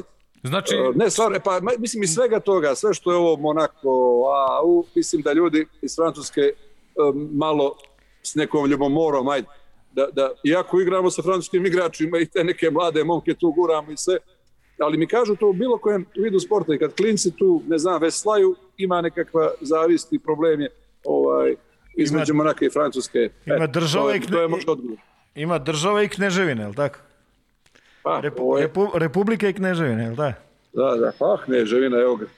Mislim, ne znam, tu, tu je, jest, to, to je ta njihova, njihova ne znam, Pa da, što je možda i normalno, što, ovo je mrvica jedna, a francuska ogromna, pa normalno, normalno.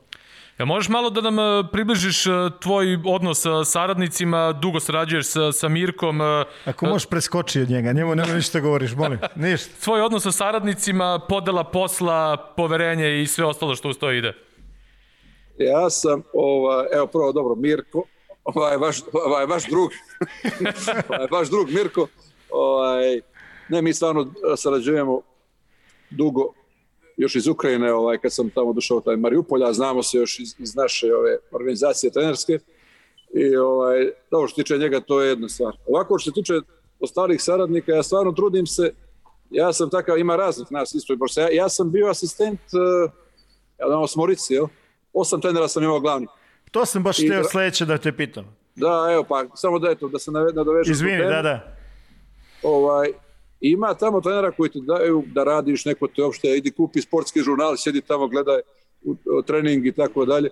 Ovaj, ima raznih, ima raznih, ali ja stvarno se trudim da asistentima dam maksimalno, kažem, kažem povjerenje, dam im šansu da rade normalno, kad, kad prepoznaš da, da, da čovjek se bavi tim kako treba, da, znači uposlim ih na 100%, normalno da bih ja mogao da odmaram više, jednostavno. pa normalno, brate. Re... pa, to, pa to je posao.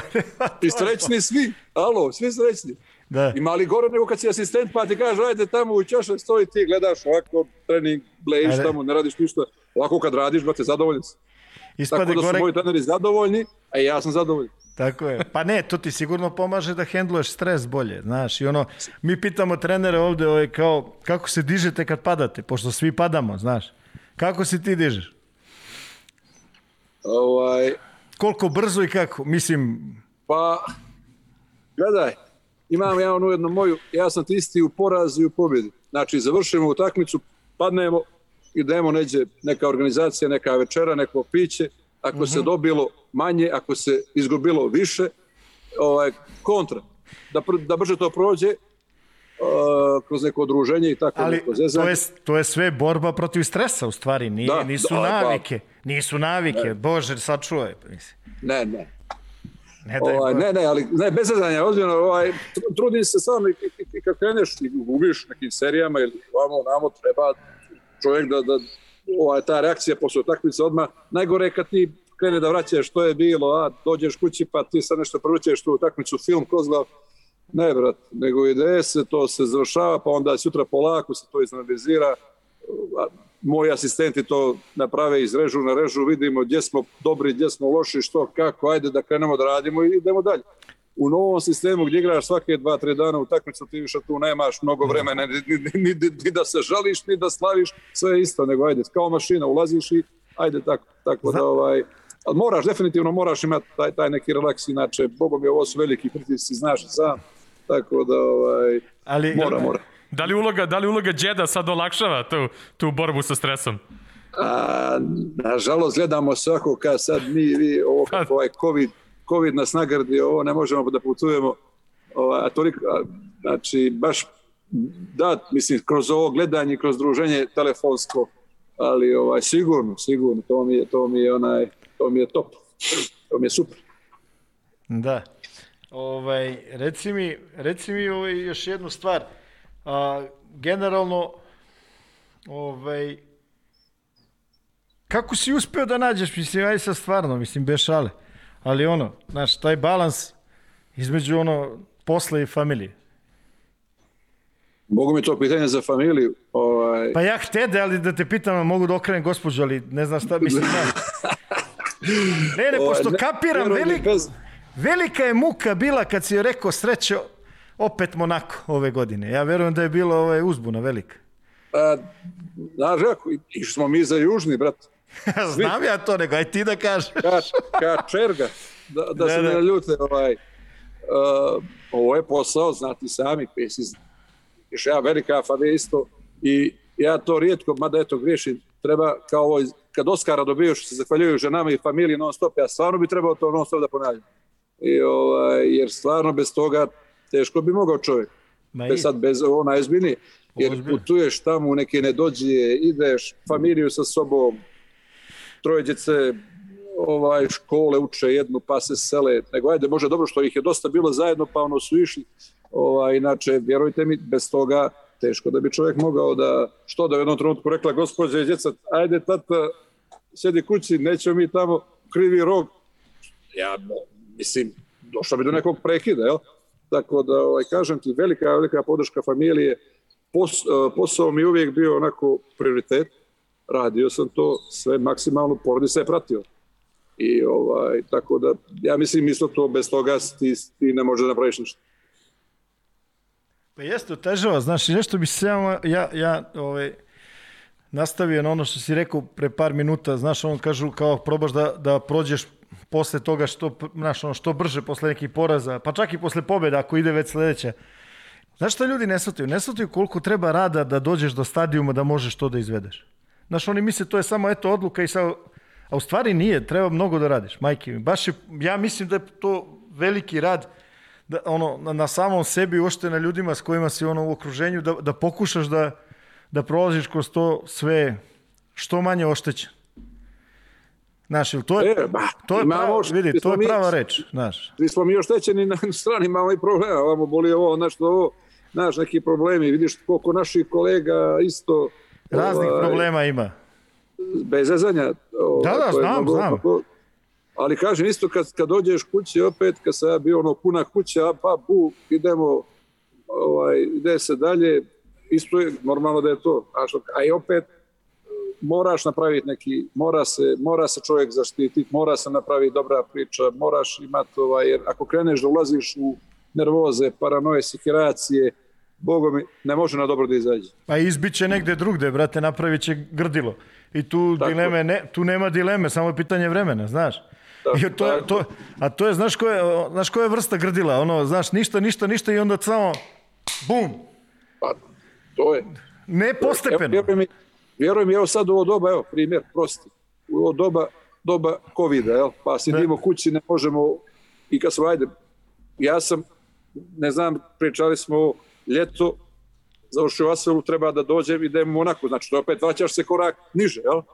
I čak ti uslovi, budžet, sve, plata, sve to, niže mnogo nego vamo što treba.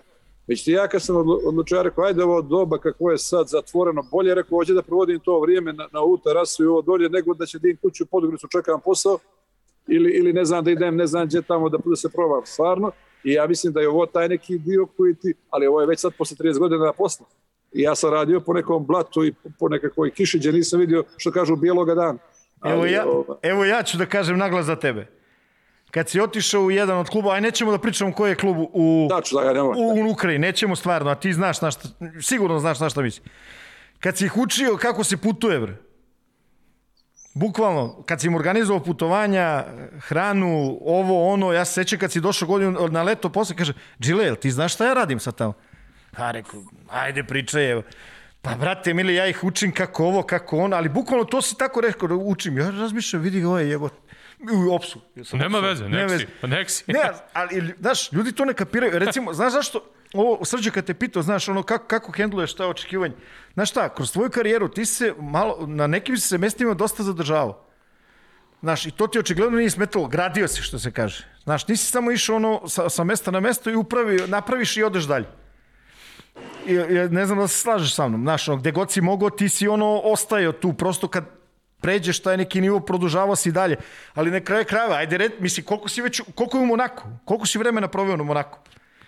Pa evo, tri i sad evo, ovo je četvrta godina, jel? To je dosta. si- Ovaj izlet u, u ovome, U u Lyonu tamo, Jest. godinu i pol do covida, do prošle, do, do, do kad nije ovaj, do kad je prestalo prvenstvo opet sam ovdje, evo sad, tako I da... to, I to su značajne stvari. Ti znaš kad smo mi bili klinci pa smo pričali to o nekim našim kolegama pa se ovaj jedan hvalio kako je svake godine ne znam koliko godina za redom svake godine stalno menjao, stalno menjao, stalno menjao. Ja i ti se gledamo i kažemo, "Pa što ne ostane negde duže? Ne znam, seć, nije bitno, to je bilo e, vrlo davno. Ali ono, general, a ne, ne, generalno, razumeš, ovaj, ljudi ne kapiraju taj deo našeg posla i to je okej. To možda i ne treba da okej, znaš, ali ajde, ovo je, ovo je podcast za ljude koji vole košarku, pa ajde da možda čuju, možda ih zanima, možda ih i ne zanima. Razumeš, A možda ne ti zavisi to sve od nas, znaš. Ne zavisi, Ne, nekad bi ti ostao, mnogo- mnogo, dešavaju se stvari. Jer, Ne, ne, naravno. Ne samo, rezultat, Naravno. ne samo rezultat, nego dolazi nekad Ne, mnogo, mnogo čega, mnogo šta može se promeni, razumeš? Prosto se menjaju se okolnosti i ti ono moraš da reaguješ, neka drugi reaguju za tebe. Što kažeš ti, kako odnosiš uh, se prema očekivanjem? Kažeš, progutam ih jevi. I nema tu neke filozofije, šta da radiš? Ovaj, pa eto, Srđo, A? Jesi ti teo da pitaš kako, kako podnosi Mirka od Sokoljića ili, Ne, ne, ovo- ili da, da, da. kako izdržavaš? ne, naći ćemo Sokolje, gotov sam je. A? Ovaj, nije, nije. Mirko je jedan sjajan Ma, vrhunski, momak, brate. čovjek, vrhunski, mislim o njemu. Ovaj, znate ga, evo i vi sjajno, tako da je to jedan stvarno momak. E, mi smo evo prijatelji, kak, tu više nema ni, sa- ali, ali znači koliko smo prijatelji, blisko koliko sarađujemo, mislim da to jednim, jedno, jednim djelićem e, nije poremetio taj neki njegov profesionalni odnos i taj, taj rad, to što on treba da radi, radi, to što, znači to nikada nismo do- doveli u, u, u, u, u sukob ili preklapanje naš privatni i profesionalni odnos. Ma, ozbiljan bre čovjek, mislim, pusti. Jel, Baš, ta, jel, jel si ta, to uspeo i sa svojim e, ekipama, odnosno sa igračima da izgradiš taj odnos, s obzirom da si rekao da imaš tu neku širinu i da, da često znaš da ekipu ono izvedeš i napolje, da se oslobodi stresa. Da li, igra, da li sa igračima isto tako nađeš e, lako zajednički jezik da i oni shvate ovaj, gde je granica? Ili, ili tu bilo malo više problema? gleda, a, Bogu mi to ima situacija raznih, ali a, imamo, kažem, super odno, kad se završi utakmica, kad se tamo, ne znam, ja, izvolite, doviđenja, uživajte, kad, ako zaslužuju, normalno, ali ovaj, a, znaju, znaju, znaš, igrači su pametni, oni, oni znaju, prepoznaju, oni ako mogu, oni će te, najašu da te udave, ako, znači sve, kako se ti postaviš. Svaki dan to- pipaju, bre, svaki dan pipaju. Es, oni će da te zagrli, pa aha, druže, odde. A ovamo, znaš, tako da tu, a to su ta neka iskustva i naša, što radimo posao od 30 godina, morali smo naučiti nešto, htjeli ne htjeli. I radimo s ljudima, razumeš, i to se... I, I oni se menjaju, znaš. Najteži posao. Što kaže, ovaj, imaš ekipu isto od prošle godine, nije to ista ekipa, brat. Ako Tako si je. ti nešto osvojio sa njima, ako su nešto ovo, ono, već su oni postali veći, tu su, naravno, tako da ti, ja, na primjer, igraču, kao kakav ti igraš posle mjesec dana, pa ja nemam pojma, druže, ja, ja tek njega mogu da snimim, ne znam, ja posle, čak posle sezone da, da vidiš kakav je. Dođe do Jasno. poremećaja nečega, jel? Tako da, kaže, imao sam neki momke, kaže, ovaj nema pojma, čera je ovoga, posle toga momak strašan, zaljubim se u njega. Tako da kažem, sve to rasli od ima, mnogo nas je, mnogo je svega okolo. Da je samo ta košarka i taj teren, a to je samo što govorimo na 30-40%, ovo ostalo, brate, Ma što da, moraš okolo da slušaš. Da, Bu, bukvalno E, jedan deo posla. Zato napredna statistika te stvari ne može da izmeri nikada. I E, neće to- moći. I kompjuter. Eto, dru, eto tako, jeste.